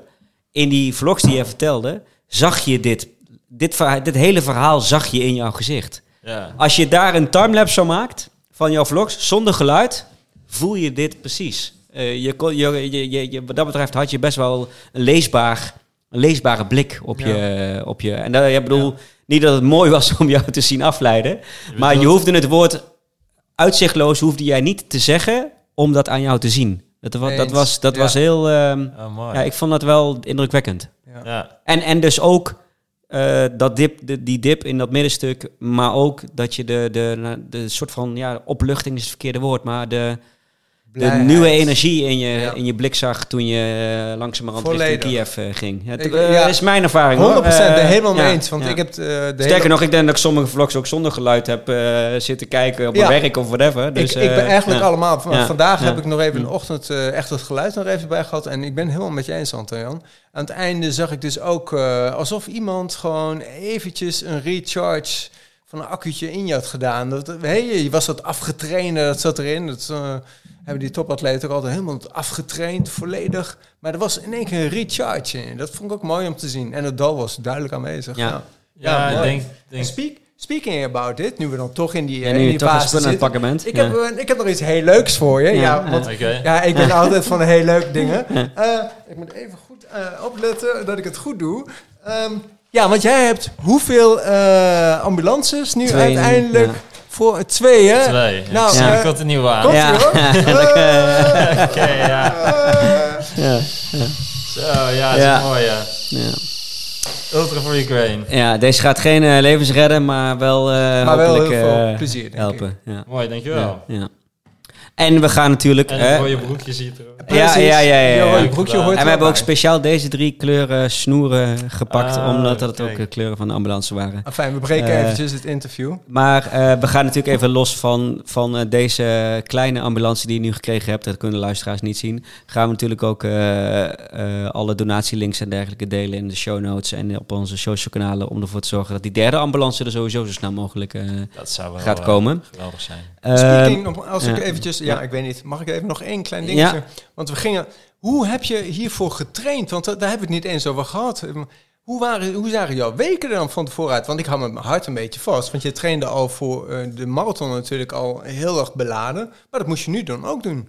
Welke, wat voor week heb je wel niet eh, moeten afleggen? Want je kwam niet Ja. over één nacht thuis. Nee, we hadden dus zes maanden gepland om het voor te bereiden. En voor dit was wel duidelijk van, oké, het moet echt een obsessie worden. Dus moesten echt veel concessies voor maken. Op allemaal andere stukken tijd inleveren. Heel veel trainen. Dus we gingen het op alle manieren proberen te verweven in eh, mijn dagelijks leven. Dus in Mhm. plaats van met de fiets naar werk, rennen naar werk. In de pauzes rennen. Terug naar huis rennen. In de avond trainen. Gewoon veel kilometers maken. Waar moet ik aan denken, Boris? Ja, weken van 200 100, plus. 200 plus. eh, Langste en- week 3,5, klopt dat? Ja, en wel ook een testweek gedaan. Want Ja. we wouden wel weten wat er 3,5 gebeurde. hetzelfde een als beetje je als wat je daar gelopen hebt 350 natuurlijk. doet. Ja. Ja. En kijken op welke Ja. punten dat lastig werd. Maar ja, we konden natuurlijk niet echt eh, een soort nabootsen wat we, waar we voor hadden op- opgegeven. Nee, Dus we dachten één week pakken we om, eh, om dat wel te ervaren. Dat was dus zo'n 350 week, 50 Ja. per dag. Ja, dat gaf meer eh, onzekerheid dan zelfvertrouwen. moet ik zeggen. Ja, ging je stuk? Nou, het was gewoon zwaar. Het was Ja. gewoon zoveel. En het, maar, maar het was ook wel heel zwaar, omdat ik daarnaast ook nog steeds een beetje... Je moet nog steeds koken, boodschappen doen en Ja. eh, je dagelijkse shit moet Ja. regelen. En Uh-huh. dat was allemaal niet zo. Ik werd echt ontzorgd tijdens die rit. Daar moet ik Oh, ja. echt credits voor geven, want die jongens die, mij, die met mij meereisden... ja, die werkte eigenlijk in de schaduw. Maar wat die gasten deden was, ik kon niks buiten het rennen. Hè. Ik was gewoon een baby. Ze moesten mij uit bed hijsen, ze moesten mij verzorgen, ze moesten eten van mij maken zes keer per dag. Alsnog, dat was ook een grote opgave om op gewicht te blijven. Ik ben Ja. bijna 20 verloren, 20 kilo's. Ah, top. Want die vraag kunnen we afstrepen. Ja, die kunnen we Ja. afstrepen. Ja. Ja, ja. Inmiddels Want- alweer wat bij. En, Ja. eh, my god. dus er moest heel veel voeren in de hele tijd. En ja, je Jeffrey, voormalig gast. Hoeveel kilo ben je kwijtgeraakt? Ja, Ah, ja. bij deze. Nou, ja. Jeffrey, dat- 20 dat kilo ja. sinds Ja, het begin en het einde. Ja. Ja, op, het dieptepunt een beetje. Op een gegeven moment zaten we er zo... Maar het- Je kon het er niet aan eten. Praktisch, praktische gedeelte werd ook steeds moeilijker. Want in Oekraïne zelf, je hebt niet overal stroom, je hebt niet overal slaapwerk. Soms zit je in een bunker, je probeert dan maar eens goed eten te krijgen. Dus ook die zaken werden steeds complexer. En eigenlijk de jongens die met mij mee waren, die hebben dat goed aangepakt. Want die hebben gewoon altijd gezorgd dat ik om de twee uur een... eh, ja, een voedingsinjectie kreeg en genoeg water. En ja, die hebben me ook wel aan de gang. En na de hand, ja, die moesten mij helpen met eh, mezelf gewoon weer eh, verzorgen en opladen Ja. voor de volgende dag. Maar het waren heel veel klussen die ook niet leuk zijn om te Mm. doen. Caravan altijd verplaatsen, boodschappen doen, afwassen, nou, noem het maar op. Dus, En de jongens hadden het goed met je voor, want je kreeg vaak wel het groene alternatieven. En daar waar jij nog wel eens een snack wou pakken, zag ik in een van de vlog. Hij hielden ze je wel heel strak gewoon aan die bananen en, eh, en die fruitshakes eh, Ja. met een poedertje erin. En je bent ook Ook dat kon je aan je blik goed zien, wat je Ja. daarvan vond. eh, af en Ja, toe. nou ja. ja. Want je, ja, je had daar ook een sponsor voor gevonden, toch? Voor je voeding. Ja, Ja, Upfront heeft ons sp- qua sportvoeding gesponsord. En we hadden Hoka voor de schoenen, Hm? Osprey voor de tassen en Stichting Elja heeft ons gesponsord. De New School, mijn school eh, waar ik ook het licht eh kunstelijk voor Ja. heb gehad, die vond Oh, het ja. zo vet. Die dacht, oh, die gast gaat Oh, door mooi. met... eh, mooi. Die gaat door met zijn afstuderen. Ja, dus Ja. die heeft ons heel erg geholpen. Ehm, maar wij zaten wel in de laagste. We hadden een aantal verschillende begrotingen gemaakt van hiermee moet het kunnen. En onze laagste was eh 8000 en we hadden 8100 opgehaald. Wauw. Dus we zaten heel erg op budget. En ja, heel veel ging op aan benzine en Ja. eten. En, eh, Want die Jeep die was ook niet altijd even stabiel, hè? Want nou ja, die, die staat er dus nog. Dat vind ik dus ook wel een beetje... eh, ja. wat is het goede woord daarvoor? Eh. Het feit dat die de afstand niet heeft gehaald, maar Ja. wij wel. ja, dat echt voldoende. En, en daarmee kreeg je dus ook nog een escorte, zag ik eh, in de vlog eh, voorbij komen. In Oekraïne. Ja, Ja, dat, daar hadden we eigenlijk eh, altijd wel mensen met ons, bij, met ons mee voor de veiligheid. leuk. Oh. En eh, die ook de taal spraken en wisten waar we veilig konden slapen en wat er gebeurde als er een alarm afging. Dat was echt wel, dat werd door de stichting piekfijn geregeld. Ja, mooi. Want dat, eh, die hadden ook alle kennis, die mensen komen uit Oekraïne, die wisten helemaal up-to-date. Hier wilde ik graag naartoe, inderdaad. De, Ja. de grens. Ja, Eh, oorlogsgebied. ja, Bang? ja. ja kan zo- niet anders. Nee, echt. eh, en, en, en je crew misschien nog wel meer. eh, ja. Omdat jij in je renkokon zat, misschien. Ja, zeker. Ja. Ja, het is wel eh, echt een andere wereld. Je met, eh, we waren de grens over en ja, we kwamen vanuit Polen de grens over. Liep, eh, ik kon niet rennen de grens over, dus we zijn een stukje in de auto gestapt, vijf kilometer de grens over gereden. Toen uitgestapt, toen weer gaan rennen. En eh die jongens bleven nog heel even achter, want die waren wat dingen aan het opruimen. En toen was ik twee kilometer ver en ik hoorde overal mortieren ontploffen en ja. Niet? schoten. En Ja, ik, dus ik dacht, "God, Serieus? dan ga ik, ik ga nu al eraf. Maar toen bleek ik langs een eh, trainingsterrein te rennen. Oh. Dus toen dacht ik, holy Dat shit. heb ik weer niet meegekregen in je vlogstuk. Eh, Ja, dus Ja. dat was... Ja. eh, maar ja, je zag, Ja. ja, die, je zag die oorlog overal in, die, in, Ja. in, die, eh, in elk land en elk, in elk dorpje waar we voorbij kwamen. En, maar ook heel veel hardlopers die met ons mee weer renden. En het ja, is een raar contrast, want dit, kijk, die steden functioneren en in dat land functioneert wel gewoon. Mensen gaan naar school, mensen gaan naar werk en overdag is Ja. het best wel bruisend nog in de steden. Maar in de nacht, eh, net zoals met corona, krijg je dan Mhm. zo'n nachtslot. En ja, bijna elke nacht gaan de alarmen af en vliegen de drones eh, door de lucht en raketten. En dan zie je in één keer weer dat je in zo'n oorlogsland bent. Dus je wordt het een beetje heen en weer geslingerd dat je denkt van, oh ja, het ziet er wel gezellig uit. En dan Ja. denk je, bam, oh ja, het is wel een oorlogsgebied. ja, daar kwam op En- een gegeven moment in Nederland ook die ophef over. eh, van ze zitten in Odessa gewoon eh, aan het zwembad. Oh. Eh,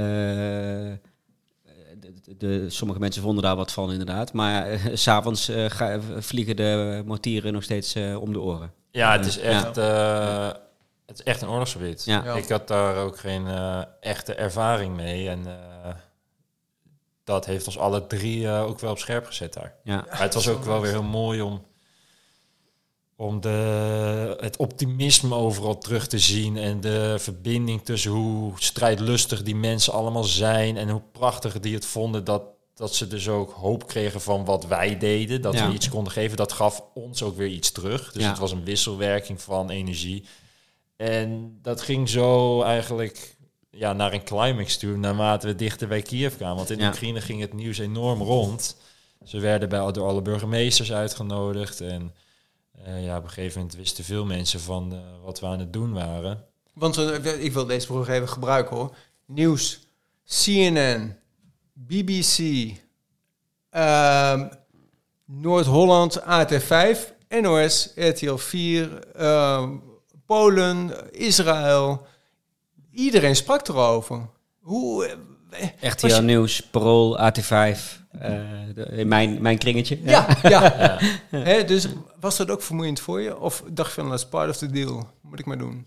Het was prachtig dat het, het verhaal werd gedeeld. Het was onze missie. We wouden Ja. zoveel mogelijk laten, mensen laten weten waar, waar we het voor deden. En ook laten zien wat we konden doen als we zouden samenwerken. Mhm. Dus toen we in één keer zagen dat het nieuws het oppakte, dat was geweldig.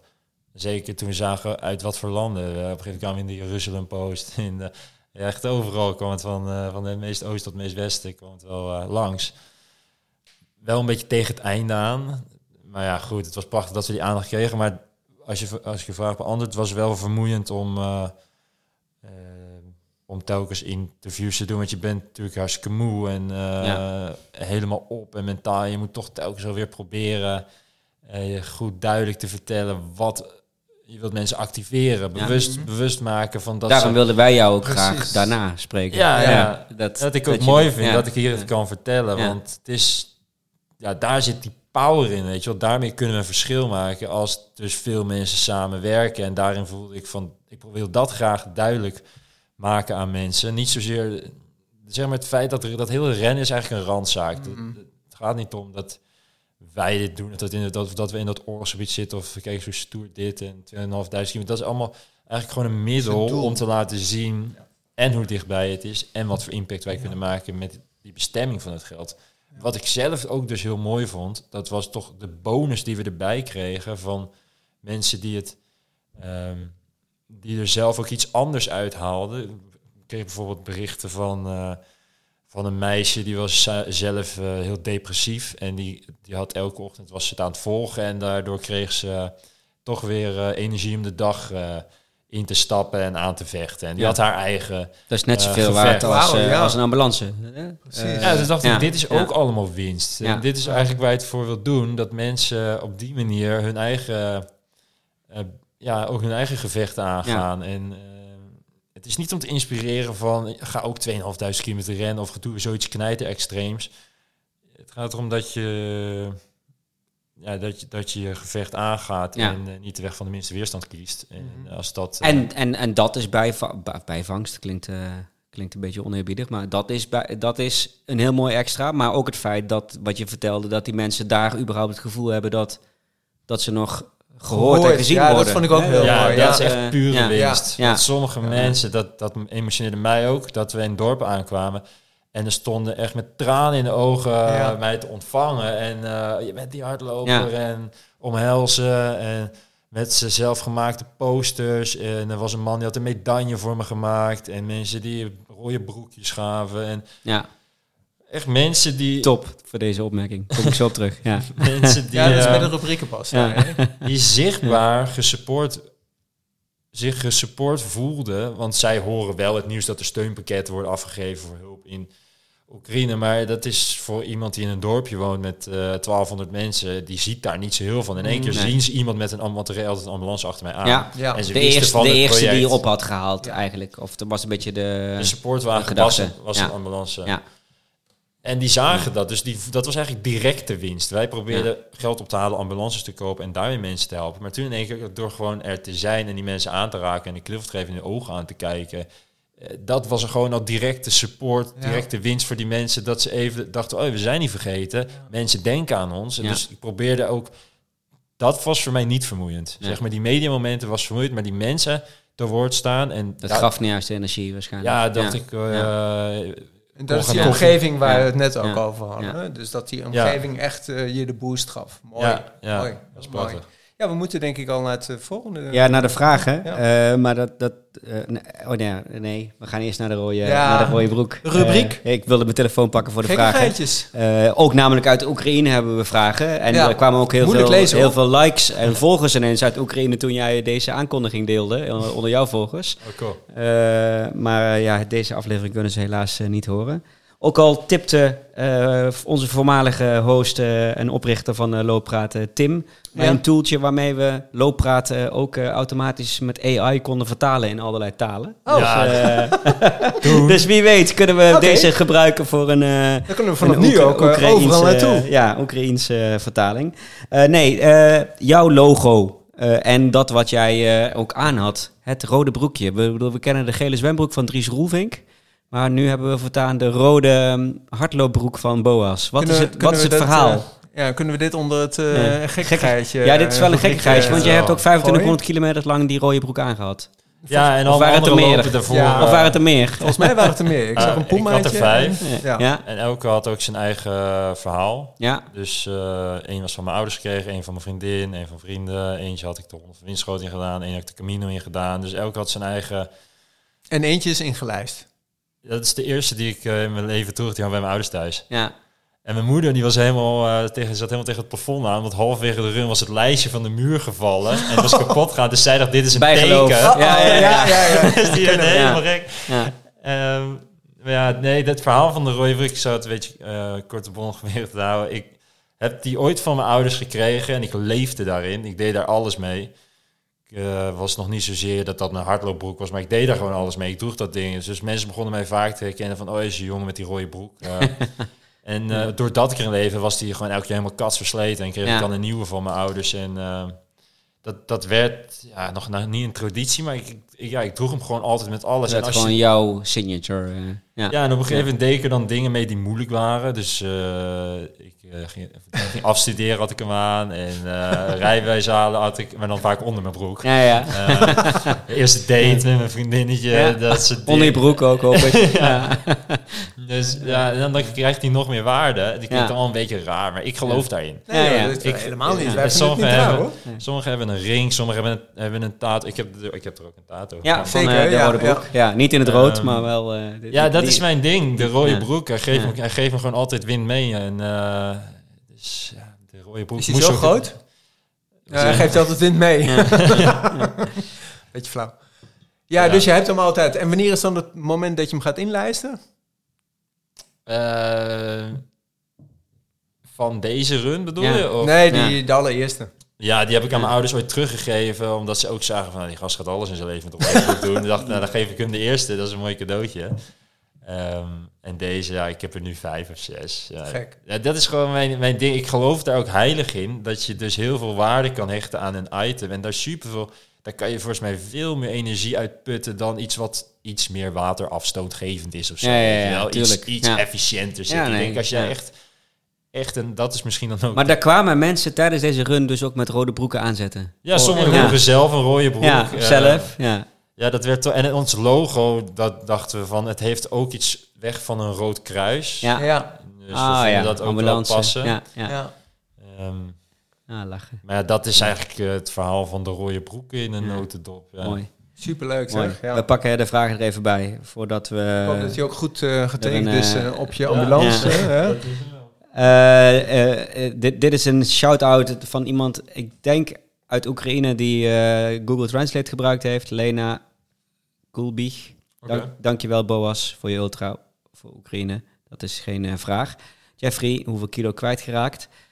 Irene vraagt, heeft hij het boek van Lisa Weda gelezen over Oekraïne? Ja, dat heb ik, heb ik niet gelezen. Ik ken Nee. het niet. Nee. Maar ik zal me... nou, we zullen hem opzoeken. Eh, Manon Aalsma. Eh, ik denk dat je het al verteld hebt, maar misschien dat je het kunt specificeren met echt het allermoeilijkste moment tijdens de 50 dagen.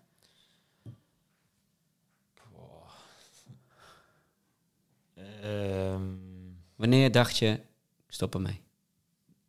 er was één moment in... eh dat was dag 30. Ja.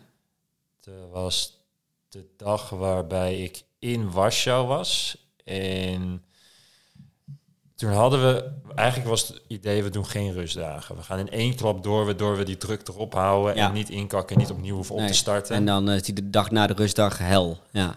ja, Ja. Eh, maar het ging gewoon steeds minder lekker en we kregen, ik kreeg hele rare symptomen, voornamelijk qua verwardheid. Eh, Dat werd ook angstig. Ja. Door die verwardheid werd ik een beetje angstig. En daardoor raakte ik soms in paniek. En dat werd steeds erger naarmate we dichter bij Warschau kwamen. Dus op een gegeven moment waren we één dag voor Warschau. En toen dachten we, oké, we, li- we liepen toen ook één dag voor op schema. Ja. Niet dat dat allemaal ook eigenlijk iets uitmaakt, maar eh, toen, dus toen hadden we bedacht, ik heb toen één rustdag in Warschau. En toen was ik met mijn eh, vriendinnetje, die was ook naar Warschau gekomen. En dus toen had ik een dag niet lopen. En het idee was om gewoon heel de dag gestrekt te gaan. En toen ben ik naar een... Want het was ook knijter warm, dus ik dacht, ik ga naar de kapper toe en ik eh, laat mijn haar eraf halen. Dat scheelt Ja. misschien wat. Ja. En die, die kapper zat in de straat van het hotel waar we zaten. En toen kwam ik daar aan en toen ben ik ergens onderuit gegaan. Toen was ik gewoon helemaal eh, verward. Oud. Ja. niet meer goed waar het hotel was. Zo moe, zo... eh, kon niet meer goed communiceren wat ik dacht. Toen, ja, en, en toen vloog het me ook wel aan dat ik dacht... Oh, ik moet morgen weer beginnen met moet nog door. 20 dagen. Weet je wel, dat was telkens die gedachte waar ik, die ik moest wegduwen. En, want dat ra daardoor raakte ik in paniek. Ja. Ehm, dat was het zwaarste, die Ja. dag. Die, die, op, terwijl dat dus de dag was waarbij ik niet heb gelopen. ja. Maar de- Best wel ik- raar. Ja, maar ik snap het wel. Ja ik, Ja. ik snap het nog steeds niet zo ik heel snap goed. het wel. Ik de, eh, nou, juist misschien door die, door die rustdag. Ja, ik kan me er wel iets bij voorstellen.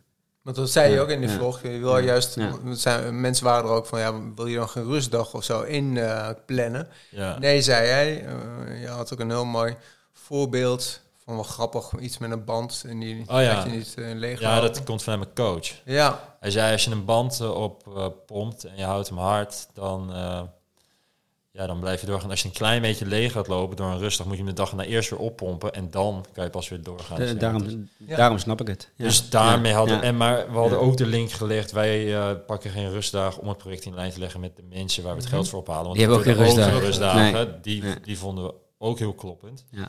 Maar het was gewoon op dat moment niet meer zo verantwoordelijk om door te gaan. Want we hadden ook advies van iemand heeft mij begeleid eh, vanaf het begin af aan. En eh, zij eh, zei, je moet echt nu stoppen. Je moet naar het ziekenhuis. Je moet, even, je moet een paar bloedonderzoeken doen. Want, want het, de symptomen zijn... eh, het kan iets, eh, iets eh, hoe noemen ze het nou? te maken hebben met dat het blijvend hersenschade kan opleveren. Best wel angstige termen. Ja, ja.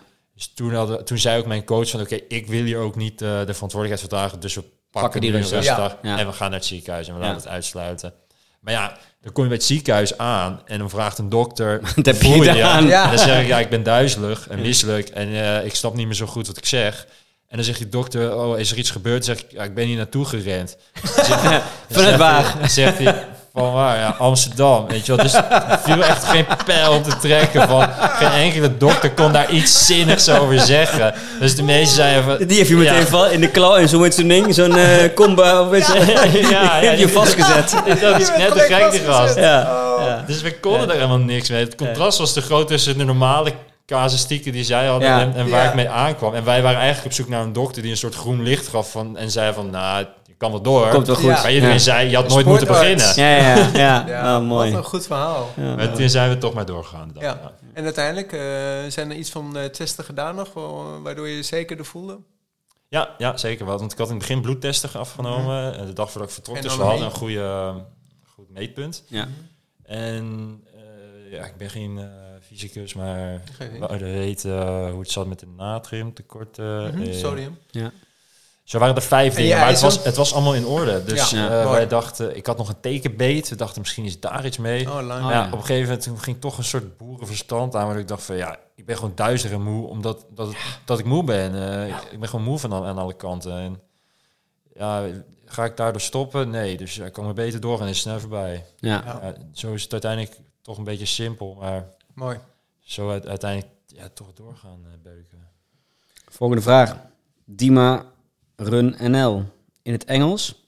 Eh, dus wellicht ook eh, vanuit eh, Duitsland of Polen of Oekraïne. If you would start this journey again, what would you do different? Wow. Ik in, in het Engels beantwoorden? Nee hoor. Wat zou je anders doen?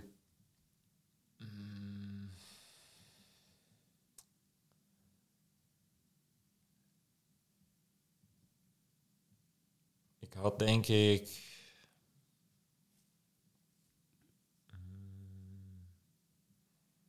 Dichterbij. Ik weet het niet. Ik kom er niet op. Ik weet niet. Nee, ja, ik bedoel... vraag. Ik denk, ja, er waren wel wat dingen die... eh, hele praktische kleine dingen. Ik had bijvoorbeeld in Oekraïne graag gehad dat wij veel... eh, wat daar dus een ding was, dat heel veel mensen meegaven. Die heb ik zelf veel gekregen. Militairen dragen daar een badge op hun Mhm. schouder... die Ja. met klittenband vastzit. En heel veel mensen gaven mij zo'n badge mee. Dus ik dacht later wel van... ik had eigenlijk een rood broekje op een badge moeten hebben... zodat ik die aan iedereen kon meegeven. Dat je terug Als kon geven. Mensen Ja. mensen een t-shirt... en dat vonden ze zo mooi. Ja. Ik dacht, oh, ik had wat meer dingen moeten hebben... die ik als een soort klein souvenirtje kon meegeven. ja. Nou, dat vind ik wel een Maar- mooie, ja. Maar in het, in het, ja, de voorbereiding, je, je kunt zoiets niet anders voorbereiden Ja. dan... Je kunt hier niet op voorbereid zijn, dus dat, dat had je waarschijnlijk ook niet anders gedaan dan dat je het nu gedaan hebt. Nee, ja, misschien als ik het nog een keer Je zou crew, doen... miste je iets in... eh, ik bedoel, je had een geweldige crew, maar had je gezegd van... Nou, ik had ook een, eh een komiek mee moeten nemen die me af en toe aan het lachen bracht. Of, eh, of, of ik had een camper willen hebben. Of, Ja, je stipt wel iets aan, want dat was ook iets wat gewoon zwaar was. Je bent 50 dagen met drie lui, zit je opgehokt in een caravan, oncomfortabel, het is warm of Ja. het is slecht weer. En ook voor die lui was het zwaar. Dus daar lagen ook obstakels. De onderlinge, het gezellig blijven houden, het vuurtje aan blijven wakkeren. En wij hadden op een gegeven moment wel... eh, ik denk, dat zou misschien iets wat anders zouden doen. Iemand er nog bij. Ja, Ja. Dus misschien nog een vierde erbij. Dus Bram nam eigenlijk de coach, was ook de chauffeur. ja, Ja. En hij had ook graag middagstukken willen meerennen. ja, Ehm, en Bo, die, dat was de cameraman, maar die was altijd aan het koken, weet je wel. Ja. Dus, maar goed, dit, dit, dit is best wel moeilijk om op zo'n manier op te zetten. Want wij hadden zo'n laag budget. En, eh, maar dat zou het ideaalbeeld zijn. Ik moet Ja. wel zeggen, we hebben best wel veel hulp gekregen van vrijwilligers die een aantal dagen meegingen. Top. ja. Dus in Nederland was er al eh Mirre, die heeft twee dagen meege, meegaan. Was gewoon die zei van, nou, ik rij gewoon eh, twee dagen mee en dan help ik je wel met koken. ja. Mijn ouders hebben vijf, zes dagen meegeholpen. Er is een Nederlandse, eh, ja, die jongen zou ik niet bij naam noemen, maar die eh, heeft een heel groot stuk in Oekraïne meegeholpen, wat ook echt super handig was. Dus er was zoveel ook hulp van buitenaf van Ja. mensen. Want je vraagt echt wel wat van, van, van iemand om mee te helpen in Oekraïne Ja, ja. in zo'n project. Heftig, ja. En veel, veel deden het wel. Ja. Dus super tof. Mooi. Ja. Mooi. We hadden ook nog een vraag van, even erbij zoeken, van eh Harm Wiegers. Ook een eh, zeer begnadigd, hoe zeg je dat, benadigd? Ja. Eh, zeer goede ultraloper. Harm vraagt, eh, wauw, inspirerend. En niet alleen om de enorme prestatie, maar ook omdat Boas zijn gave inzet om iets te betekenen voor anderen. Zijn gave inzet voor iets te betekenen voor anderen. Veel respect. Er komen twee vragen in me op. Nou, we gaan ze allebei doen. Eén, op wat voor manier hebben de indrukken van deze reis jou persoonlijk veranderd? Goeie vraag. Hele goede vraag. Ehm, het heeft me wel doen inzien dat de dingen die ik hier aanneem voor zekerheden niet zo zeker zijn. Dus in, Niet vanzelfsprekend zijn, vooral niet. Ja. dat is misschien een beter Ja, woord. ja. Vanzelfsprekend. Dus dingen als veiligheid, eh, vrienden, het feit dat je wakker wordt van je telefoonalarm en niet een bomalarm. Ja. Het is allemaal vrij fragiel als je in één keer een land eh, binnen, want je loopt er echt naartoe. Dat, het kwam ook bij ons binnen dat we dachten, wow, dit is echt dichtbij, want we zijn hier gewoon naartoe gerend. We hebben Ja. geen vliegtuig of trein of iets gepakt. En ik zag daar hoe fragiel die, die veiligheidsgaranties eigenlijk zijn en die vrijheid. En ja, dat heeft mij wel nog meer doen eh, nederig gemaakt naar eh, hoe goed we het hier hebben. En dankbaar ook. Ja, en naar de mensen Ja. om me heen, dat je er zuinig op moet zijn. En Ja. eh, dat het niet vanzelfsprekend is dat het altijd maar goed gaat. En bij ons gaat het eigenlijk gewoon altijd best wel goed. Ja, heel mooi. Niet alleen jou veranderd, maar ook iets waar we allemaal volgens mij iets aan hebben, aan dit antwoord. Ja, misschien wel. Ehm, en vraag 2. Als je zo lang, zo ver loopt, zijn er dan dingen die je gaandeweg in je eigen lichaam voelt, in je eigen lichaam voelt veranderen? Ja, ik merk, Behalve de pijntjes hier, pijntjes daar. Hè? Kunnen we dat rubriekje ook meteen afstrepen? Eh, ja, het, Ja. ik, ik merk het gewicht wel echt afnemen. Dus op Ja. een gegeven moment eh, voelde ik, als ik op een stoel zat, voelde ik echt mijn botten of mijn rug als ik ergens tegenaan leunde. Ja. Dat merkte ik wel, dat was een beetje naar om mee te maken. Maar ik werd ook sneller en sterker. Dus op een gegeven moment begon er ook de progressie van het begin, ging ook meespelen. Had je niet Ik- even dat PR van die marathon? eh, Nou ja, ik, ik zit nu dus te denken. Ik ben nu nog? Heb je misschien wel gelopen? Ik, ik was toen terug was, zat ik te kijken naar de marathonkalender. Ja. Zat ik te kijken welke zijn er volgende maand. Mega super compensatie nu. nu Ja. eh, Ja. heb ik inderdaad die giga compensatie. Ga ik hem, eh, Maar ja, ik ben eigenlijk van die tijden af. Hè. Ja, dus ik ja, ja, ja. het verhaal, Ja, ga ik maar- weer ja. terug op die shit. Maar Ja. ja, En je wil je Ja. rug heel houden ook. Ja. daar moet ik mee oppassen. Ja. Eh, Ah, maar wie weet. maar ik had ook een, altijd een horloge om die alles trackte. En Bram, dat is echt eh, van de cijfertjes. Welke En had je om? Ik had een Garmin om, eh Ja. 950 volgens mij. Mhm.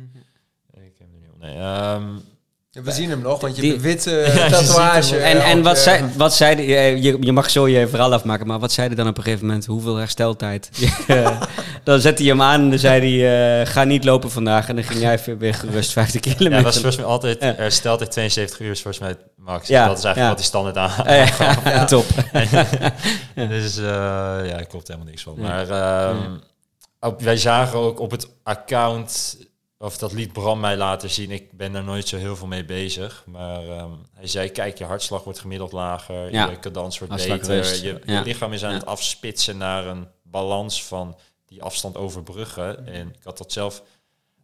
Langzamerhand begon ik dat ook wel te voelen dat ik eh, dus ja, makkelijker kon aanzetten. Ja, ja dus dat denk- verandert er ook daadwerkelijk in je, dat is in je lichaam. fysiek veranderde. Maar wat nog veel leerzamer voor mijzelf was, was dat ik mentaal weerbaarder werd voor wanneer ik dan dus in die paniek kon gaan schieten. Want Ja. de eerste, als je het hebt over die knakmomenten, als het er dan Mhm. vijf op rij waren, die Ja. eerste die kwam op een veel minder zwaar punt dan de laatste. De laatste die lag veel dieper. Toen was ik al veel, veel eh, meer in mezelf gekeerd en veel, veel alleener dan die eerste keer. Dus ik merkte dat ik mentaal daar gewoon weerbaarder voor werd en daar de grens in aan het verleggen was. Dat is iets wat volgens mij je kan betrekken op ook andere zaken in het leven, Mhm. behalve hardlopen. Want Ja, zeker. het gaat niet zozeer om, eh, dat gaat meer over dat je niet te geïntimideerd raakt door een angst of een onzekerheid. Of dat je de controle even niet hebt en dat het oké is. En daar ervaringen op doen, dat, dat is voor mij heel leerzaam geweest. Dat is eigenlijk mijn winst. Ja, Ik heb hier geen.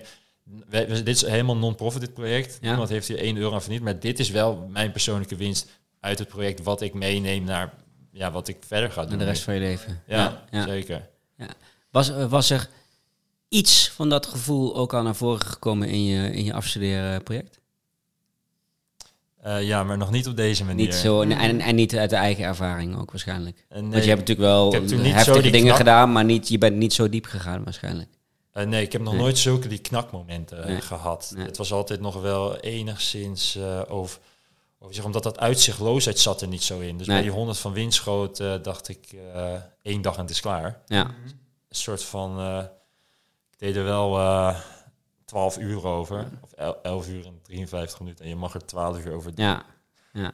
Dus En, en dat, dat uitzichtloze, hè, wat, wat voor mij ook wel een heel belangrijk woord volgens mij is in dit hele project, omdat het natuurlijk ook staat voor de situatie waar de mensen daar in, in zitten. Ja.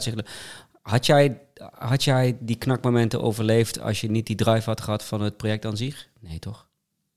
Was je gestopt in Warschau? Ik denk het wel. Ja, ja. ja, ja, ik, hoop, ja, ik hoop het eigenlijk wel ook. Ja, als... Dat, eh, eh, ja. ja, vind ik lastig om te zeggen. Want dan was natuurlijk, wat is dan de reden? Ja, ja dat was misschien een andere reden Toch geweest. een heel, heel zwaar tegengewicht te hangen waarom je iets doet. En zeker als het echt zwaar wordt, want dan moet je daaraan kunnen vastgrijpen. Ik had niet een andere reden dan dat. Nee. Dus ik denk dat, ja, dat ik dan misschien inderdaad wel was gestopt. We hebben drie rubrieken. Eentje hebben we al met je rode broek, eh, de gekkigheidje, hebben we al behandeld. Eh, we hebben ook het, ru- de rubriek PHPD'tje, pijntje hier, pijntje daar. Ja. Ga, eh, eh, tijdens eh You for You heb je eindeloos pijntjes hier, pijntjes daar gehad. Ehm, is er één PHPD'tje wat je hebt opgelost met een bepaald trucje waarvan je denkt, dat moeten alle looppraatluisteraars weten? Misschien klinkt het een beetje te simpel, maar bij mij loste de meeste pijntjes op door het eh, echt gewoon te accepteren dat het er is. Niet op zoek Niet te te gaan naar een op- negeren, maar te accepteren. Ja, niet Ja. op zoek gaan naar een oplossing, maar het er gewoon laten zijn. En ook niet hoop krijgen van als het iets minder wordt. En ook niet pissig worden als het iets slechter wordt. Maar gewoon proberen van oké, Oké. laat het er Ja. maar zijn. Eh, ik hecht er, eh, ik kan het niet oplossen, ik ga verder. En Je hebt geen klink- pijn, er is pijn. Het klinkt simpel, maar Ja, het is maar niet voor niks een... een het is vervelend, maar laat uit. het er maar zijn. En, eh, Uit jouw boek. Misschien Ja. gaat het weg. en zo. Ik weet niet, Ja. maar dat, dus, ja, dat klinkt misschien heel erg makkelijk. De sweet spot zit hem een beetje in als je dat kan accepteren of er gewoon echt lak aan kan hebben. Soms ging ik het bagatelliseren. Dus dan ging ik oprecht tegen mezelf zeggen van ja, is dit alles? Is Ja. dit alles wat ik voel? Ik ben twee weken aan het rennen. Is dit de enige pijn? Ja. Is dit alles wat je me geeft? Op- Ja, slaat natuurlijk helemaal nergens op. de, maar- in je hoofd of de Nee, hardop? hardop. Eh, Serieus? Ja, nee, ik mooi. was dat, was dat mezelf aan het belachelijk aan het maken van... is dit alles wat je, is Ja. dit, is dit Ja. alles wat je me geeft? Nu, dat, Ja. Maar ja, dat sloeg natuurlijk helemaal nergens op. En anders, ja, dan... Dit heb je niet tegen die dokter in Warschau verteld, toch? Want dan had hij echt gegarandeerd opgesloten. Dat is nooit een finish gebeurd. Ja, dus... Maar de, wat ik wil zeggen, Ja. dus de sweet spot... eh, voor mij zat er een beetje in dat je dan kon accepteren... en op een of andere manier eh, toch nog een lol in kon vinden. Ook met Ja. elkaar erom kon lachen van hoe absurd het eigenlijk is. Dat zullen jullie waarschijnlijk ook wel uit ultras kennen... dat je op een gegeven moment ja, gewoon helemaal af ligt... en dat het slecht weer is en je, het is gewoon allemaal kloten en negatief... en en alsnog kan je er wel om lachen, want wat Ja. zijn we nou aan het doen eigenlijk? En dan toch weet je dan iets... Ja, daar zit een soort sweet spot waarin je echt kan groeien. Ja. Omdat je dan niet zo raakbaar meer bent voor die pijntjes of... eh hoe noem je het? P- PAD? PHPD. PHPD, Pijntje hier, pijntje daar. Pijntje Ja. hier, pijntje daar. Ja, Ja, nou luisteraars. ja mooi. ik. Ja, nou ja, die hebben Je hebt geen pijn, er is pijn. Ja. Eh, derde rubriek. Ehm, de Kijk. kijk. de luister en de leestip. Eh, eh, ik, ik, ik ga het eerst even aan José vragen en dan kun jij er nog even over nadenken. eh, Oh, ja. Heel fijn. Heb jij Ja. een, eh, en, en, een Zeker. slokje, en een slokje eh, Warsteiner eh, alcoholvrij eh, nemen? Ik heb, eh, ik heb dit keer gekozen voor eh, Kijk. En een beetje ook... Kijk, Ja, dat blad? nee. Eh, Oh, een we hebben het over een kijk-luister. uh, leestip. Nee, ik dacht dat je kijk, de Ja, kijk bedoelde. Ja. Ehm, kijk, waarom? Omdat ik het wel een beetje mooi in de lijn vind, eh, eigenlijk van alles. Ehm, ik heb, bij Hoka heb ik vorig jaar Adam Peterman eh, ontmoet. En Adam, ehm, ja, er is, een film bij Hoka TV, hebben ze een film over hem gemaakt. Adam is ehm, geblesseerd geraakt. En ik zie hem als een ontzettende drive met positief eh, kijk op alles. En ik vond het een heel leuk filmpje om voor de lu- luisteraars om eens te gaan bekijken. Op YouTube? Ja. YouTube, Hoka TV. Ja. En daar hoort eigenlijk dan ook een schrijven bij die bij Trailrunner Mac eh, is eh, gedaan. En die, eh, die doen we in de show notes er wel bij. Want dan leer je eigenlijk hoe hij traint en wat hij ook deed, deed daarvoor. Ehm, maar dat is nog niet de hoofdkijktip van mij. Oh, je hebt er stiekem De weer twee. hoofd, ja, ik moet, Kan Boas nog er langer nadenken. Dus Ja. dan kan je nog langer Kan Boas nadenken. nog langer nadenken. De hoofdkijktip is lang geleden een keer bekeken door mij. En ook wel door jou, denk ik. En heeft ook al een beetje met pijnen te maken en wilskracht. Ook weer een beetje het thema van hier. Billy Young. Ik denk dat jij hem ook al hebt gezien. Ultra in live in the day. Nee, Oh, Letman. Dave McKay. Zegt het je wat? Hij is de eerste bedoel je? man... Ja, wil. Ja. Maar de film heet Let Man. Oh. Wat is er met Dave aan de hand? Dave gaat trainen. Dave is een ultra-renner in de, in de bergen natuurlijk. Hij gaat trainen en krijgt een boulder op zijn been. Een boulder is een mega gigantische steen die naar beneden is komen Oh, rollen. ja. En die komt op zijn been terecht. Een rotsblok. En eh noemen ze een boulder, echt zo'n Ja. groot ding.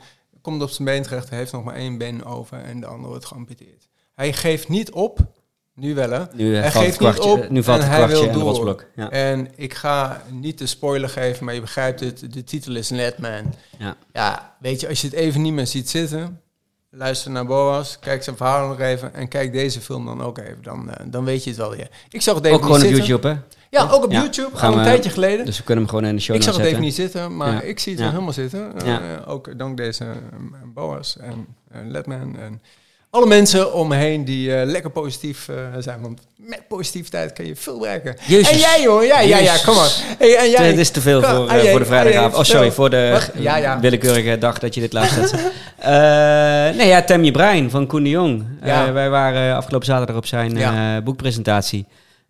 Al waar hij ook heel mooi op een stoel ging staan en een erg vermakelijke en inspirerende speech hield. Waarom we allemaal zijn boek moesten lezen. Eh, dus dat, daar ben ik met heel veel plezier aan begonnen. Ja, leuk hè? Eh, nogmaals, ik heb hem nog niet uit, dus ik kan nog geen review geven. Maar ik weet nu wel al dat het meer dan de moeite Ja. waard is om deze leestip aan onze luisteraars te geven. Dus ook die zullen we in de show notes zetten. En ehm, eh, bij de volgende aflevering daar ongetwijfeld nog even iets over zeggen. Zeker.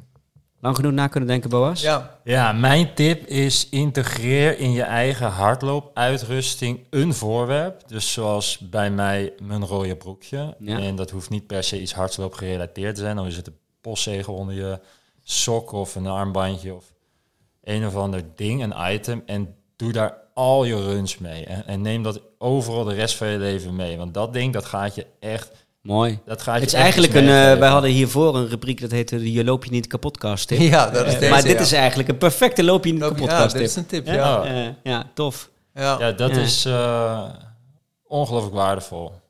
Dat is voor mij het allerwaardevolste hardloop gadget dat je kan hebben. Iets Ja. waar intrinsieke motivatie in zit, waar, waar, waar, je, waar je gewoon echt... eh, Ook alleen maar even naar hoeft te ik zie- kijken. Ik zie in één ja, keer een titel van een boek. Het rode broekje. Ja. En daar komen dan al je verhalen in eh, Je, die je kent ook met het rode, broekje. Ja. Ja, ja. Ja. Maar die met het rode broekje hebt, eh, Ja. hebt beleefd. Hebben eh. jullie een rood broekje? Ik, En ik Ja. bedoel niet een rood broekje. ja, ja. Ja. ik heb ook een Ja. rood broekje trouwens. Maar, Wat is eh, jullie rode broek? Ik heb ehm, in mijn eh, trail eh, run rugzak. En die doe ik ook om bij de wat, wat kortere afstanden. Als in gewoon als ik gewoon 30 kilometer met water ga lopen. En daar zit een. ehm, van mijn, ik heb in 2015 een rondje Nederland gelopen. Dus de grens van België, Duitsland en de watergrens. Dus Nederland getekend in 60 dagen. En ehm, mijn fascinatie op grenzen is al, is al heel oud. En vroeger had mijn vader eh, veel landkaarten. En dan heb je zo'n, ja, ik zit het dan uit de beelden, maar dat Ja. zien de luisteraars natuurlijk niet. Ehm, Ja, hij maakt zo'n rollertje wat je over de Ja. kaart heen kunt rollen. En dan zie je op basis van de schaal eh, die de kaart heeft, kun je zien hoeveel kilometer, Kilometer. het stukje rol. En dat Ah. ding had ik als talisman bij me tijdens, eh, tijdens mijn rondje Nederland. En heb ik nu ook nog vaak in die rugzak zitten. Samen met zo'n Tibet-slingertje. Ja, Wat ik van, ehm, eh, hoe heet ze? Mijn Ik weet het. eh, Lizzie.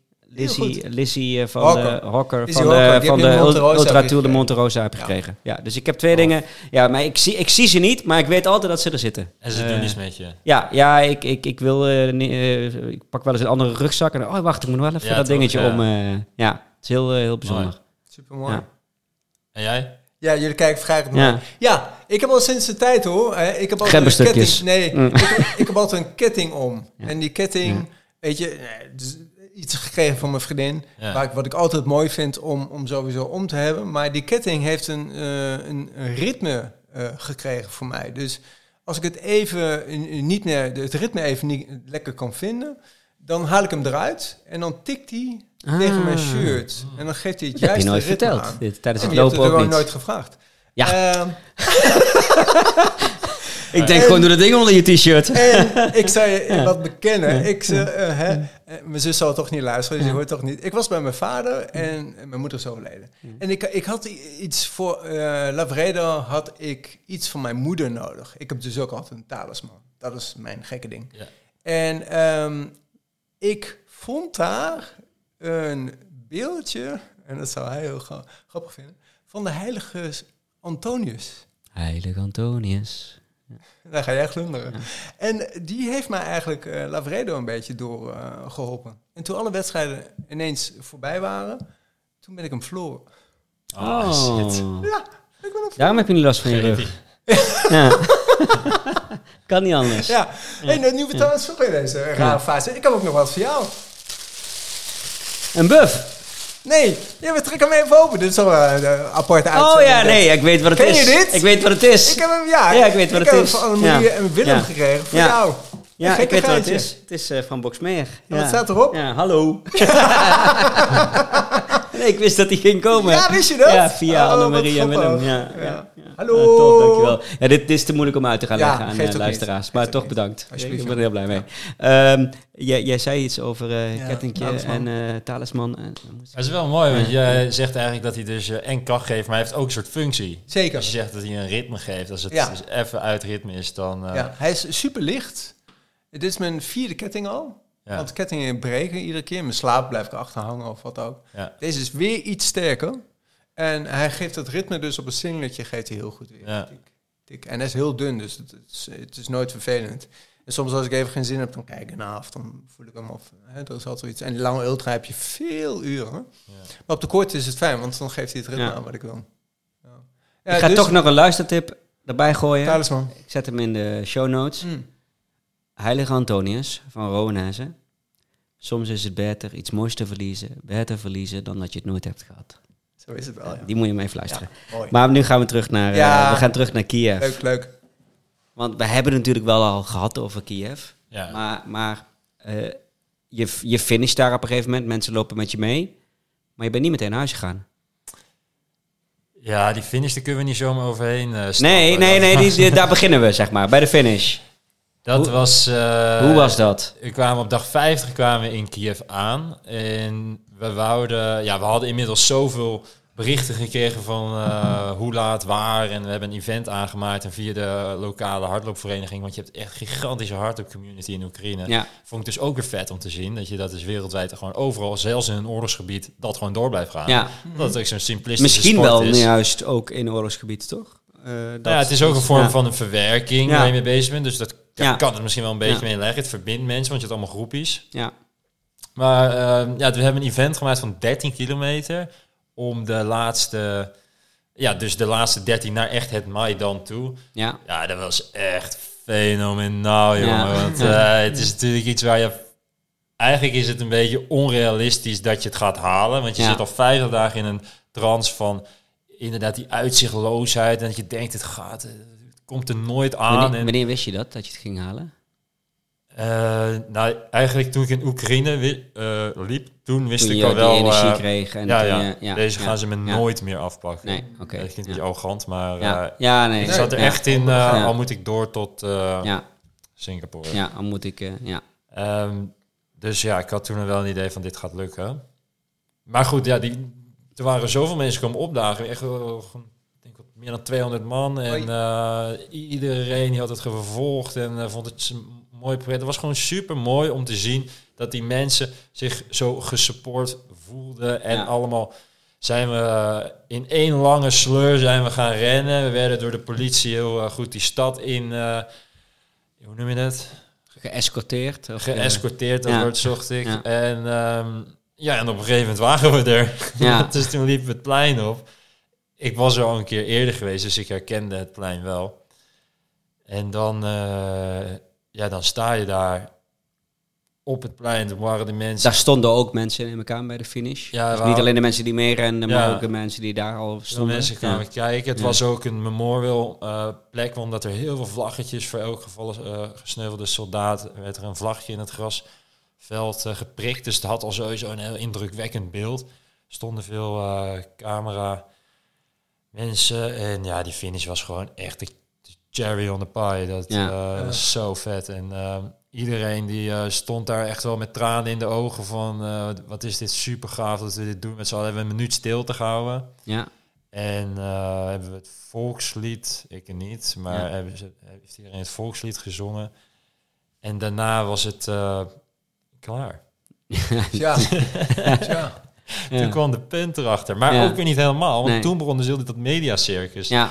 En daar, daar, het medecircus daar alsnog. Ja. ja, ja. Wat, wat echt wel, eh, als we het hebben over het hoofddoel, wat eh, dus eh, geld ophalen is voor de ambulances in Oekraïne, was dat natuurlijk wel wat we nodig hadden. ja. Ehm, en ik kon nog niet naar huis omdat mijn auto kapot was gegaan. Dus Ja. dat was ook een wisselwerking een beetje. Veel media te woord staan en eh, heb gepro- geprobeerd ja, veel te vertellen. Ja, dat is wel... eh, ja, wat kan ik zeggen? Ik was blij dat, ik het, dat, dat we de kans kregen, maar het was wel eh, lastig soms om goed uit, uit de woorden nog te komen. Ja. En, eh, Ja, want je was... Moeite En dat komt er dan nog meer uit na zo'n Ja. finish natuurlijk. De, los van Ja. de emoties en de... Ja, Ja. er was één crew die heet de, ja, de Kiev Post. Die heeft eh, echt heel mooi de reactie en het project eh, gefilmd op de... Ik kan je dat linkje wel sturen, dan kan je misschien een aflevering Ja. erbij zetten. Ja, zeker. Die, zie- die hebben ook de eerste reactie eh, Ja. van, eh, Van, hoe ik daar sta. Dan zie je ook, als ik nu mezelf Ja. daartussen denk ik ook... Ja. Want is, als ik er nu aan terugdenk en ik ben, ben nu aan het vertellen, is het ook een beetje een wazig... Ja, een eh, roes. Nog steeds. ja, Ja. sowieso heel, heel die rit, 50 dagen lang, soms is het sowieso een beetje een roes. Ook dat zag je Oh, aan je ja. gezicht. Nee, want, eh, ik denk Ja. dan ook, hoe, hoe, hoe, eh, eh, hoe slaap je?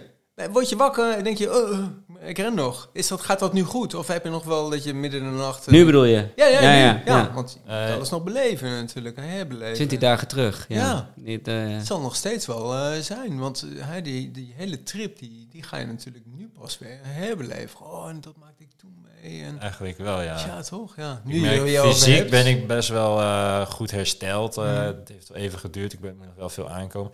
Maar ja, mentaal heb ik wel een beetje gekke dingetjes af en toe. Ik heb wel eh vergeetachtigheid. Dus eh, hier bijvoorbeeld deze podcast. eh, ik stond hier maandagochtend om tien uur 's ochtends voor de deur.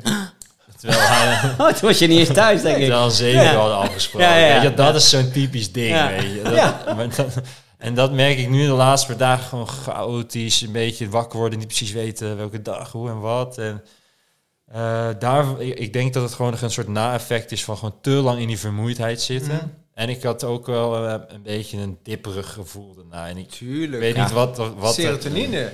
En ja, je zo. echt 50 dagen Ja. lang zit je in zo'n Ja, joh, stofjes ja. die aangaan. Je Ja. zit in adrenaline stand. Kijk, daarom heb ik je chocola neergelegd Ja. en bananen. Vergeet je Nee, niet. nee, nee, geen Ja. bananen meer. Geen bananen. Zes, zes had je in de shake zitten, hè? Zes bananen. Ja, nee, maar echt. Vijf. Ah, Oké, gadverdamme. 30 stuks. Brommeline en eh, de, echte, de, je pure chocola. Chocola mag je wel graag eten. Mhm. Dus eh, dat is wel goed om, je, om jezelf ook op te liften. Maar je- Ja. je, moet blijven lopen ook. Ja. want Ja, maar los die van, die je stofjes, ook, ook mentaal val je toch een mega gat. Ja, er als gebeurt in- zoveel. Nee. Ja, Ja. toch wel. Ja. Ja. Het is en Ja. heel erg nagenieten. Ja, En eh, maar nog niet onrustig toch, neem ik aan, voor iets nieuws.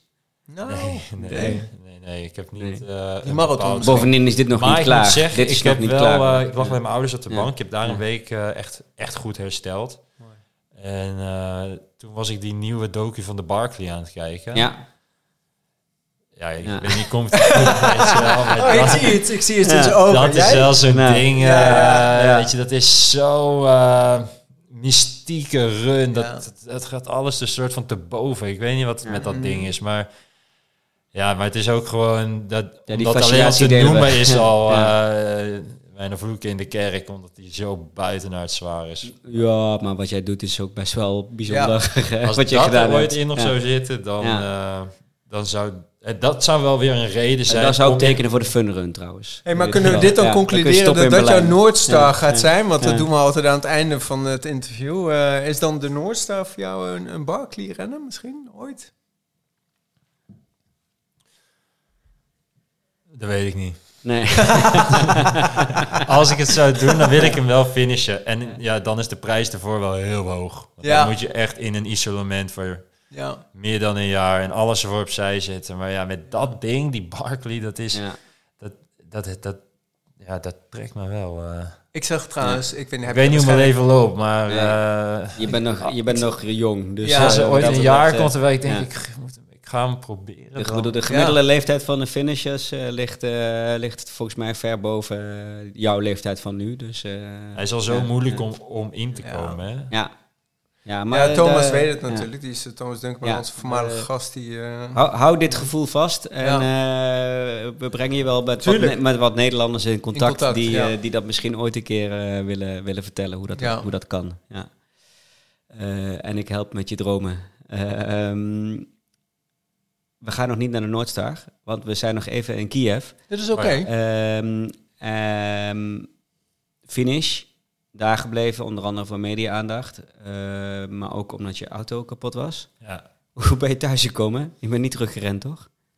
Eh, de auto, we zijn nog vijf dagen in Kiev gebleven en we kregen e- echt veel goede media aanvragen. En eh, degene die dat facili- faciliteerde, Faciliteren, faciliteren, ja. die hield mij wel strak in de gaten. Die zei van hoeveel kan je nog aan, voel je van goed vandaag? Die was Ja. een beetje eh, toch aan het wachten tot ik aan het instorten was. Want Ja. ik zat in zo'n adrenaline Ja. rush van eh, dat, ik, eh, dat ik iedereen nog wilde te woord staan. En we hadden een hele goede kans dat we daar nog eh, een zwaargewicht van de politiek gingen ontmoeten. Uiteindelijk is dat niet gelukt, helaas. Dus dat waren redenen waarom we nog iets langer bleven. En op een gegeven moment toen bleek wel dat de auto ging niet meer gefixt worden. Die staat er nog. Die staat nu nog daar op een terrein. Hm. Daar hangt wel een verhaal aan vast, maar ik weet niet hoe lang we nog hebben. Ja, als het een mooi verhaal is, dan plakken we hem nog aan. Ja.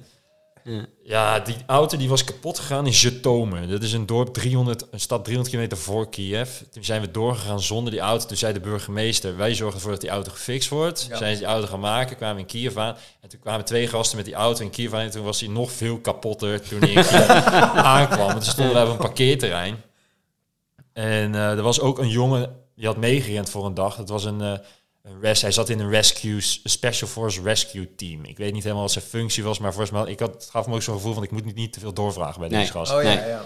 En die rende een dag mee, een volle dag ook, dus een 60er meerennen. Ja, En best wel makkelijk nog. Volle bepakking. ja. En, nee, nee, nee, maar wel eh sterke Zo zag hij er wel uit. Ja. Ja. hij was echt wel een stevig gozer. En, ehm, en die kwam in één keer opdagen daar op dat parkeerterrein, want die had eh, via via gehoord dat die auto daar kapot stond.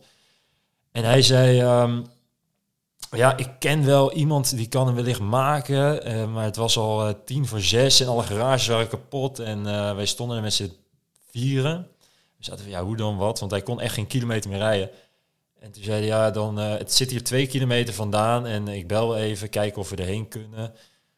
Wij dachten, nou ja, we pakken elke kans die we kunnen pakken. En eh, toen zijn we daar naartoe gegaan, maar we moesten om de paar honderd meter moesten we stoppen, omdat hij telkens oververhit raakt. Dus het was een heel erg Ja. een proces om daar te Ja. kopen. En op een gegeven moment stonden we voor een soort fabrieksterrein, een beetje luguber, een beetje stille, ging er een poort open. En het, ja, het leek, alsof we een soort filmset op kwamen rijden, want je zag overal Misschien was het wel zijn gemaskeerde... Oh ja. Ja, ja. Je zag overal gemaskeerde soldaten Ja. met helemaal tot op de bewapend. En die jongen die had dus al niet zo, die, die rescue die had al niet zo heel veel tegen ons en mij gezegd tijdens de loop was een beetje stille gast. Ja. En toen in één keer zei hij tegen ons van oké jongens, niet uit de auto stappen, niemand aankijken, geen foto's, niet wijzen, geen grappen. Hij zei echt in één keer heel serieus van Ja, ja. niks doen. Nee. En eh, dus jij liep, een- maar toen viel die auto weer uit dat Ja. terrein. Dus toen moesten we toch shit. uit. Moesten we op dat terrein die wagen gaan aanduwen. Ik dacht, god, oh god, daar ben ik beland, jongen. En eh, ja, je zag dus daar in loodsen, zag je van alles staan qua kapotgeschoten wagens en tanks. Het, het, zat zoiets in de trant zijn van een, een soort eh, geheime Basis. basis Ja. waar ze dingen repareerden. Wat Ja. dan ook hier ook zo zichtbaar werd van dat die oorlog zo aanwezig is. Ja. Voor mijn Ja. gevoel was echt als daar nu de invasie en dat het uit alle hoeken, kieren en gaten van alles die straat op komt rennen die eh, Ja. terug gaat vechten. Maar ja, daar staat de auto dus. Die staat daar prima. Ik denk dus. dat het Eh, prima is dat je hem daar laat staan ook. eh, En het toch? was dus wel weer grappig, want we hadden hem neergezet naast een tank. Ja. En eh, toen Ja. gingen een paar gasten gelijk boterkap over allemaal dingen kijken. En toen één gast herkende mij, die wou toen met mij op de, op de foto. Dus wij mochten geen foto's maken, maar toen wou hij nog wel een Hij, foto zij wel met jou. van ja. ons. Ah, mooi. Ehm, en ik heb nu wel het bericht gekregen dat hij eh, ook weer naar huis komt, de auto. oh, toch wel? Dus hij is gefixt, hij Ja. komt over een paar weken naar huis. Maar Ja. ja, terugkomend op jouw vraag, wij zijn dus vijf dagen later. Toen kwam bij mij dat in, in, instortmoment. Ik was Ja. bij een tv-talkshow geweest en het ging echt niet lekker.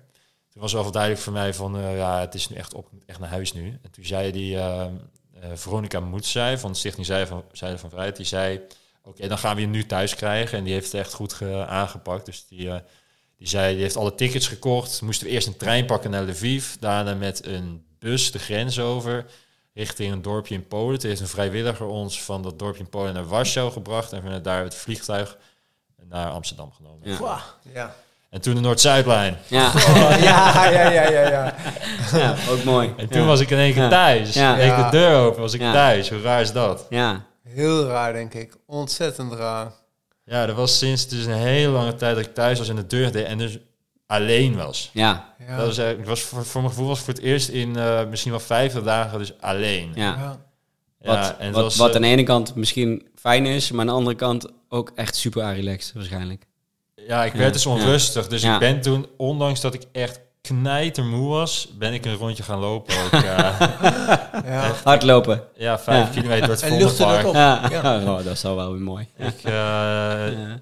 ja, het voelde gewoon wel lekker weer. Ja. En eh, toen heb ik lang geslapen en toen begon het, eh, ja, het hersteltraject. Bij schoenen heb je Ja. versleten? Zeven.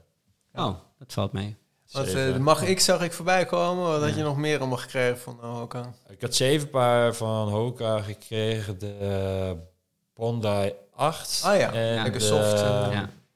Bondi X heet die volgens mij. Ja, met, Ja. eh, met plaat. Met de Die twee had ik. Ja. Ah En ja, had ik voor- en de mag ik had je ook. Ja. Die heb ik gezien. Die groene met wit Ja. eh, zo. Ja. Dat is de mag Ja. ik. Ja. Oh, dan bedoel ik die. De Bondi 8 en de Mag X. Ah ja, Ja. mooie schoen.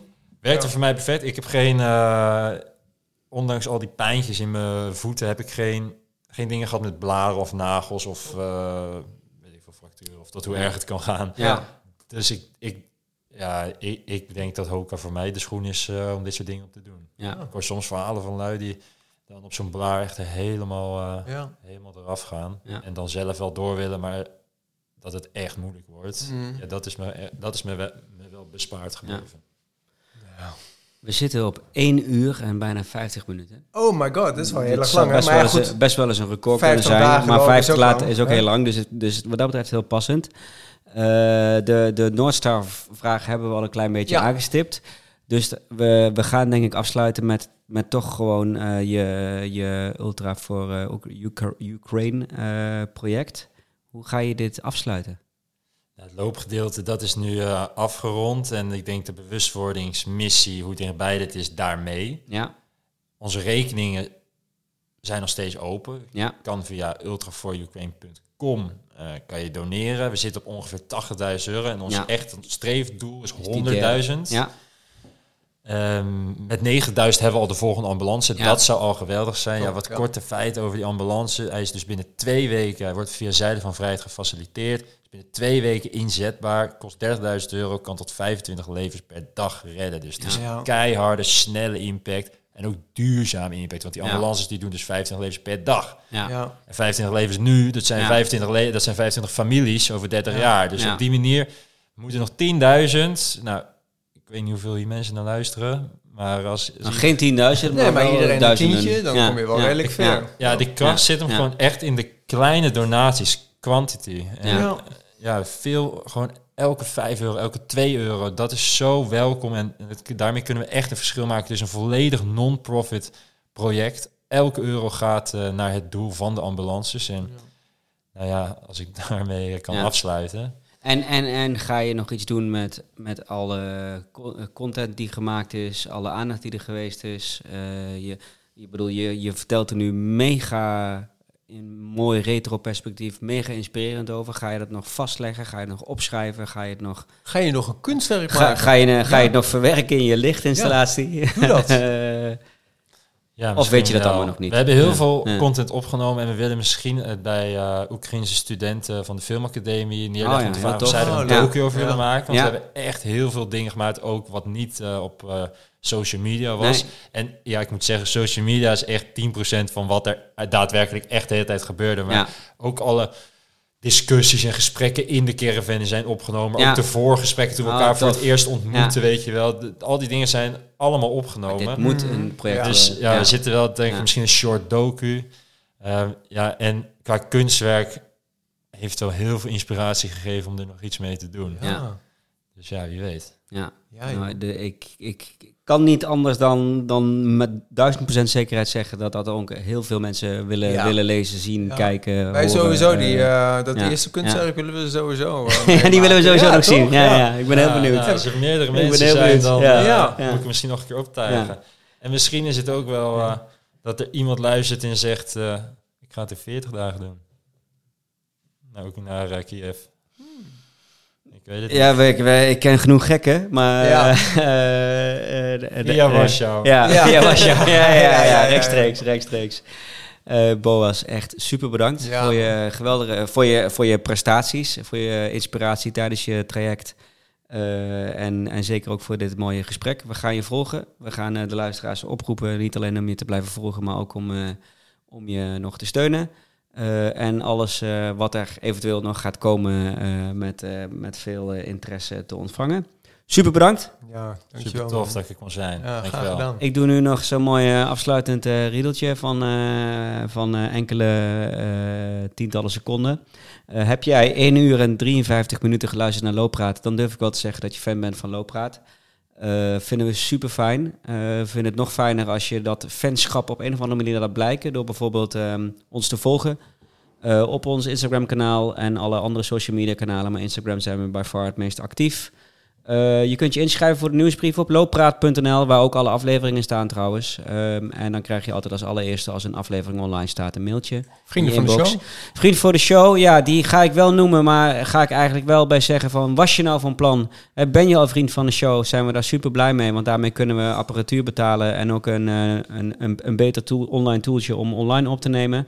Eh, en, der, en hostingskosten en dergelijke. Maar was je nou van plan om eh, op basis van eh, deze aflevering een vriend van de show worden, dan zou ik zeggen, ga dit keer niet naar vriendvandeshow.nl slash looppraat, maar naar de URL voor de donatie voor het project van BOAS, die we zullen delen in de show notes en op onze kanalen. En dan na 1 uur eh, 54 minuten en 10 seconden. Kunnen er een minuutje van maken? Dank ik, eh, 55 klinkt goed. Ja, nee, dat gaan we, gaan we niet doen. Eh, eh, Boas, bedankt. Super, José, bedankt, bedankt. man. Ja, Luisteraars, ja, bedankt. En eh, tot de volgende. Blijf dan. lopen.